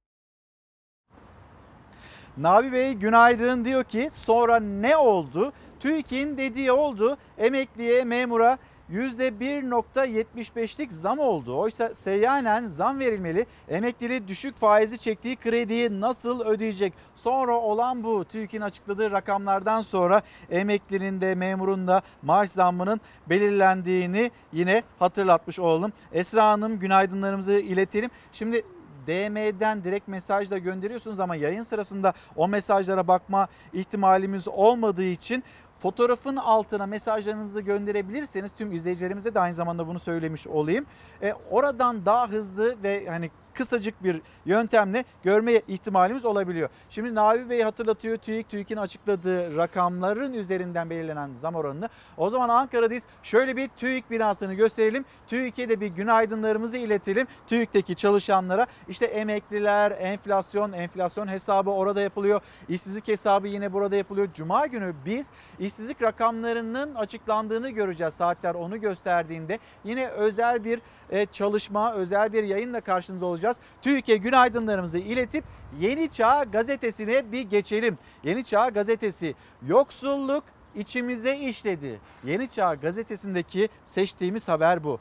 AKP iktidarının ilk yılında 4 kişilik bir aile günlük 15.2 lirayla sağlıklı beslenebilirken bugün 79.81 liraya yaşamaya çalışıyor. Birleşik Metal İş Araştırma Merkezi'nin açlık ve yoksulluk sınırı raporuna göre Türkiye AKP döneminde 5 kat fakirleşti. Rapora göre açlık sınırı Covid-19 krizi sürerken bir yılda %18.3 arttı. Asgari ücretteki artışsa 304 lira olarak gerçekleşmişti. Açlık sınırındaki yükseliş genel enflasyondan daha fazla deniliyor. Yeni Çağ gazetesindeki haber Birleşik Metal İş'in araştırmasının sonuçları bu şekilde. Gelelim emeklilerimiz, emeklilerimize de bir soralım. Geçinebiliyor musunuz? Aslında biz bu sorunun yanıtını biliyoruz ama yine de sormak istiyoruz sizlere. Karagöz İlker Twitter adresim. İlker Karagöz e, Instagram adresim. Buradan bize ulaşabilirsiniz. Geçiniyor musunuz? Geçinemiyor musunuz? Ekonomik olarak nasıl bir durum içindesiniz? Tablo içindesiniz? Lütfen yazın gönderin. Ülkemizde emekliler ciddi anlamda geçim sıkıntısı çekiyorlar. 13 milyon emeklimizin 6 milyonu ikinci bir işte çalışmak zorunda kalıyor. Emekliler Ocak ve Temmuz aylarındaki yapılan düzenlemede ise ge- enflasyon rakamlarının genelde düşük çıkarılması nedeniyle çünkü TÜİK'in havuzunda 400'e yakın kalem ürün var. Bunların çoğunu emekliler kullanmıyor. Onun için de oradaki düşük enflasyon rakamı nedeniyle düşük zam alıyorlar. Önümüzde Kurban Bayramı var. Bir koyun bin liranın üzerinde fiyatla satıldığına göre emeklilere verilen bayram ikramiyesi bir koyun alınamıyor. Bunun için Ramazan ve Kurban Bayramı'nda emeklilere verilen bayram ikramiyesinin en az asgari ücret tutarında olması için verdiğim kanun teklifi var. Bu kanun teklifi mecliste görüşülmeli. Emeklilere Ramazan ve Kurban e, bayramlarında verilen ikramiye en az asgari ücret düzeyinde olmalıdır. Emekliler geçim sıkıntısı çekmektedir mağdurdur. Emeklerimizin iyi yaşaması için sosyal devlet anlayışıyla gerekli desteğin verilmesi şarttır. Bugün 1500 liranın altında emekli maaşı olduğu pandemi döneminde ortaya çıkmıştır. Açlık sınırının altında ücret alan emeklerimizin daha iyi yaşayabilmeleri için bunlara ücretleri iyileştirilmeli. Ayrıca Ramazan ve Kurban Bayramı'nda asgari ücret tutarında da ikramiye verilmelidir. Fersan abi, Fersan Kurt Ada- Adana'dan yazıyor. Günaydınlarımızı iletelim. TÜİK'in binasını çok beğenmiş kendisi. Onu bizimle paylaşmış. Cumhuriyet Gazetesi, Cumhuriyet Gazetesi'nin manşeti Hendek gerçekleri. Patlama bekleniyormuş. Üretim baskısı altındaki işçiler defalarca uyarmış. Denetimler danışıklıymış. Hemen bir bakalım detaylarına. 7 kişiye mezar olan Hendek'teki hava- havai fişek fabrikasındaki patlama sonrası tutuklananların ve işçilerin ifadeleri faciaya davetiye çıkarıldığını ortaya koydu. İş güvenliği uzmanı Aslı Bozkurt, işçiler sürekli burası patlayacak diyordu. İş yetiştirme çabasıyla yanlarında daha fazla patlayıcı malzeme bulunduruyorlardı dedi. İfadelere göre tutanak tutulmasına izin verilmiyordu. Fabrika yetkililerinin gösterdiği yerler denetlenebiliyordu. Sorumlu müdür Asiye Angın bakanlık denetimi öncesi kendilerine bilgi geldiğini anlattı. İşçiler rutubetli malzemeler güneşte kurutuluyordu. Muska malzemesi şişiriliyordu. Makineler ısınıyordu açıklamasını yapmakta. Hendek gerçekleri bu şekilde ve aslında hem işte burada Hendek'te yaşanılan durum, diğer etrafınıza baktığınızda hatta inşaatlarda, hatta tarlalarda işçinin üzerinde o kadar büyük bir baskı var ki bir an önce topla, daha fazla topla, bir an önce şurayı çak, daha fazla, daha hızlı bir şekilde o inşaatı bitir. Bu işçinin üzerindeki baskı ne yazık ki bitmiyor. Ama söz yine işçiden de kaymıyor, başka yere gitmiyor. İşçinin hakkı, emeği, alın teri, e, kıdem tazminatı, bu kıdem tazminatı ile ilgili de tartışmalar devam ediyor. Yine Cumhuriyet Gazetesi'nin ilk sayfasında Türkiye'nin en büyük işçi konfederasyonu özel çalışmayla hükümete seslendi. Diyor ki Türk İş, yağma yok. Kıdem tazminatının fona dönüştürülmesi ya da emeklilik sisteminin bir parçası haline getirilmek istenmesine karşı harekete geçen Türk İş, işçilere dağıtılmak üzere broşür hazırladı. Hükümete yağma yok, kıdemde değişiklik grev nedenidir mesajları verildi. Türkiye'nin 81 ilinde o el broşürleri yanlarında bir de maske ile birlikte dağıtılıyor. Hatırlayacaksınız pandemi sürecinde maskenin dağıtımı da ciddi bir problem olmuştu. Türk İş bir yandan kıdemime dokunmayın diyor. Eğer dokunursanız bu genel grev nedenidir demekte Türk İş ve Türk İş Başkanı. Bir yandan müzakere, diğer yandan da bir mücadeleyi işte bu şekilde yürütmekte. Ve gelelim Sizleri hemen bir İzmir'e götüreceğiz. İzmir'in Buca ilçesine atıl olan bir arazi.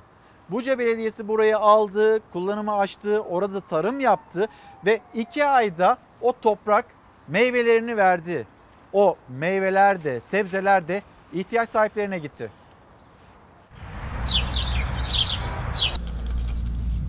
Belediyeye ait atıl durumdaki arazi hayata döndürüldü, sebze üretimi için tarla haline getirildi. Pandemi sürecinde dikilen fideler ilk mahsulünü verdi. Toplanan sebzeler ihtiyaç sahiplerine kavuştu. Buca'ya ait, belediyemize ait tarlalarımız var. O tarlalara biz bu pandemi sürecinde e, ekim dikim yaptık. Şimdi bundan hasatını aldık. Bunlar e, sizin mallarınız. Buca Belediyesi koronavirüs pandemisi sürecinde önemi giderek artan tarım alanında bir proje üretti. 16 dönümlük kullanılmayan atıl durumdaki arazide tarım yapma kararı aldı. İki ay önce ilk sebze fidanları dikildi belirlenen bahçeye. Hatta Başkan Erhan Kılıç kendi elleriyle sebze fideleri dikti. İki ay sonra o bahçede ilk hasat zamanı geldi. Sebzeler büyük özenle toplandı. Toplanan sebzeler ihtiyaç sahiplerine dağıtıldı. Biberimiz, patlıcanımız, patlıcanımız bol. Buca Belediyesi'nin projesi kapsamında ekimi yapılan 16 dönümlük araziden 54 ton ürün bekleniyor. Elde edilen ürünün tamamı ihtiyaç sahiplerine dağıtılacak. Tamam. Biber. Çok selam söyle. Temmuz 2019'da trafiğin orta yerinde işlenen bir cinayet ve soru aynı. Sonra ne oldu?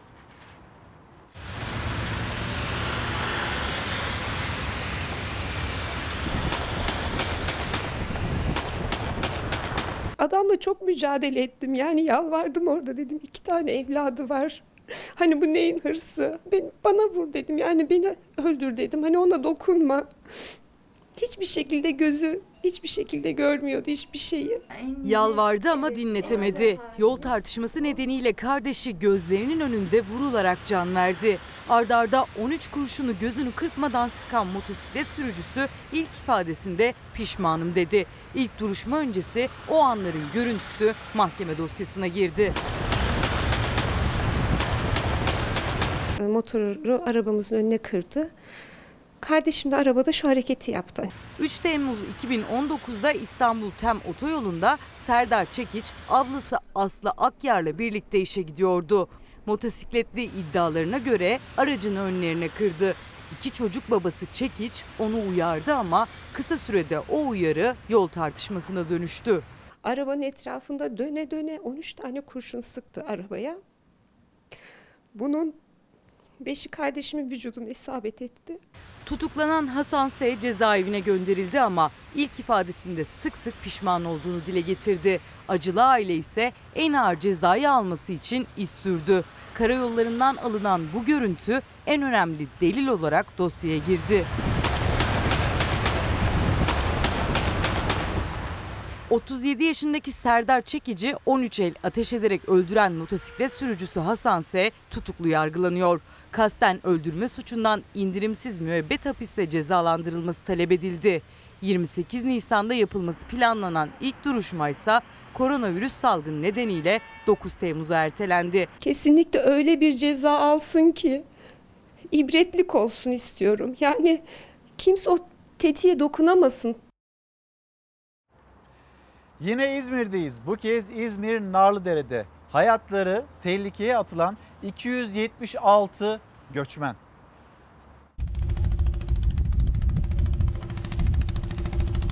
Yeni bir hayat umuduyla Avrupa'ya göçmek isteyen sığınmacıları umuda değil ölüme yolculuğa çıkarmak istediler. 59'u çocuk 49'u kadın toplam 276 göçmeni nefes almanın mümkün olmadığı bir bölmeye doldurdular. O kaçakçılara polis operasyon düzenledi. 276 göçmenin hayatı kurtarıldı.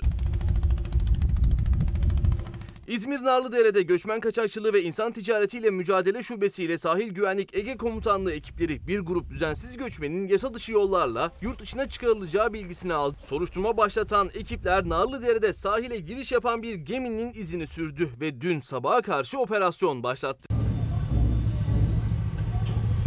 Düzenlenen operasyonla göçmenleri gemiye aldıkları sırada kaçakçılara baskın yapıldı. Ve gemide yapılan aramada yakıt deposuna benzer kapalı ve hava almayan bir bölmede 46'sı kadın, 59'lu çocuk, 276 sığınmacı tespit edildi. Gemiden çıkarılan Afganistan, Bangladeş, Suriye, Orta Afrika, Somali ve İran uyruklu göçmenlerden bazılarının nefes almakta dahi güçlük çektiği görüldü. O göçmenler ölüme yolculuktan son anda kurtarıldı. Operasyonda yasa dışı geçişi organize ettikleri gerekçesiyle 8 kişi gözaltına alındı. Bu kitabı göstermiştim ama bir kez daha göstermek istiyorum çünkü tam da gününe denk geldi. Asla vazgeçme asla Ali Türkşen'in yazdığı bir kitap ve bu kitap Oğuz Arda Ser'in asla vazgeçmeyen annesi Mısra Öz'e ithaf edildi. Diyor ki Ali Türkşen birbirimizle dertleşip yaralarımızı sarmaya çalışıyoruz. Hapislerde tutsak edilen barışlarımızı, muratlarımızı bekliyoruz hapishane kapılarında. Yok yere yaşam hakları ellerinden alınan Ali Tatar, Cem Aziz Çakmak, Kaşif Kozinoğlu, Kuddisi Okır, Murat Özenalp, Muzaffer Tekin, Soner Polatlarımız, Oğuz Arda Serimiz var bizim. Evladını şehit verdiği yetmezmiş gibi mahkeme kapılarında eziyet çektirilen pakize analarımız. Çok büyük ihtimalleri, ihmallerin sebep olduğu bir tren kazasında kazanın sorumluları örtbas edilirken hak arama mücadelesinde söylediklerinden suç üretilmeye çalışılan Mısra özlerimiz var bizim. Asla vazgeçme asla kitabında Ali Türkşen'in cümleleri bu şekilde. Şimdi bir mola vereceğiz. Sonra son notlarımızı aktarmak için yine burada olacağız. Efendim bir kez daha günaydın. Çalar Saati kapatırken teşekkür etmek istediğim bir büyüğümüz var. Gazeteci büyüğümüz 47 yıllık gazetecilik yapan e, Yılmaz Çamdalı. Yılmaz Çamdalı'na teşekkür ederim. Hani nasıl kendisini, ailesini bu virüsten koruyorsa bizi de düşünmüş ve bize de maskeyi getirmiş. Çok sağ olun. Çok ama çok teşekkür ederim. Ve bir kitap Orhan Kural, Muhittin Köroğlu o Kural kitabın ismi. 2 yıllık bir çalışmanın ürünü bir karikatür kitabı ama aynı zamanda bu kitapla ekolojik sistemin iyileştirilmesine katkı sunmaya çalışıyor. Profesör Doktor Orhan Kural da Muhittin Köroğlu da bu kitabı göndermişler. Ben de sizlere hemen e, göstermek ve aktarmak istedim. Kapatırken her zamanki gibi teşekkürümüz sizlere. Bizi izlediğiniz için çok teşekkür ederiz. Yarın yine saatler 8'i gösterdiğinde Türkiye'nin sıcak gündemiyle, dünyanın ve elbette sizin sıcak gündeminizle karşınızda olacağız. Şimdilik hoşçakalın, güzel bir gün olsun.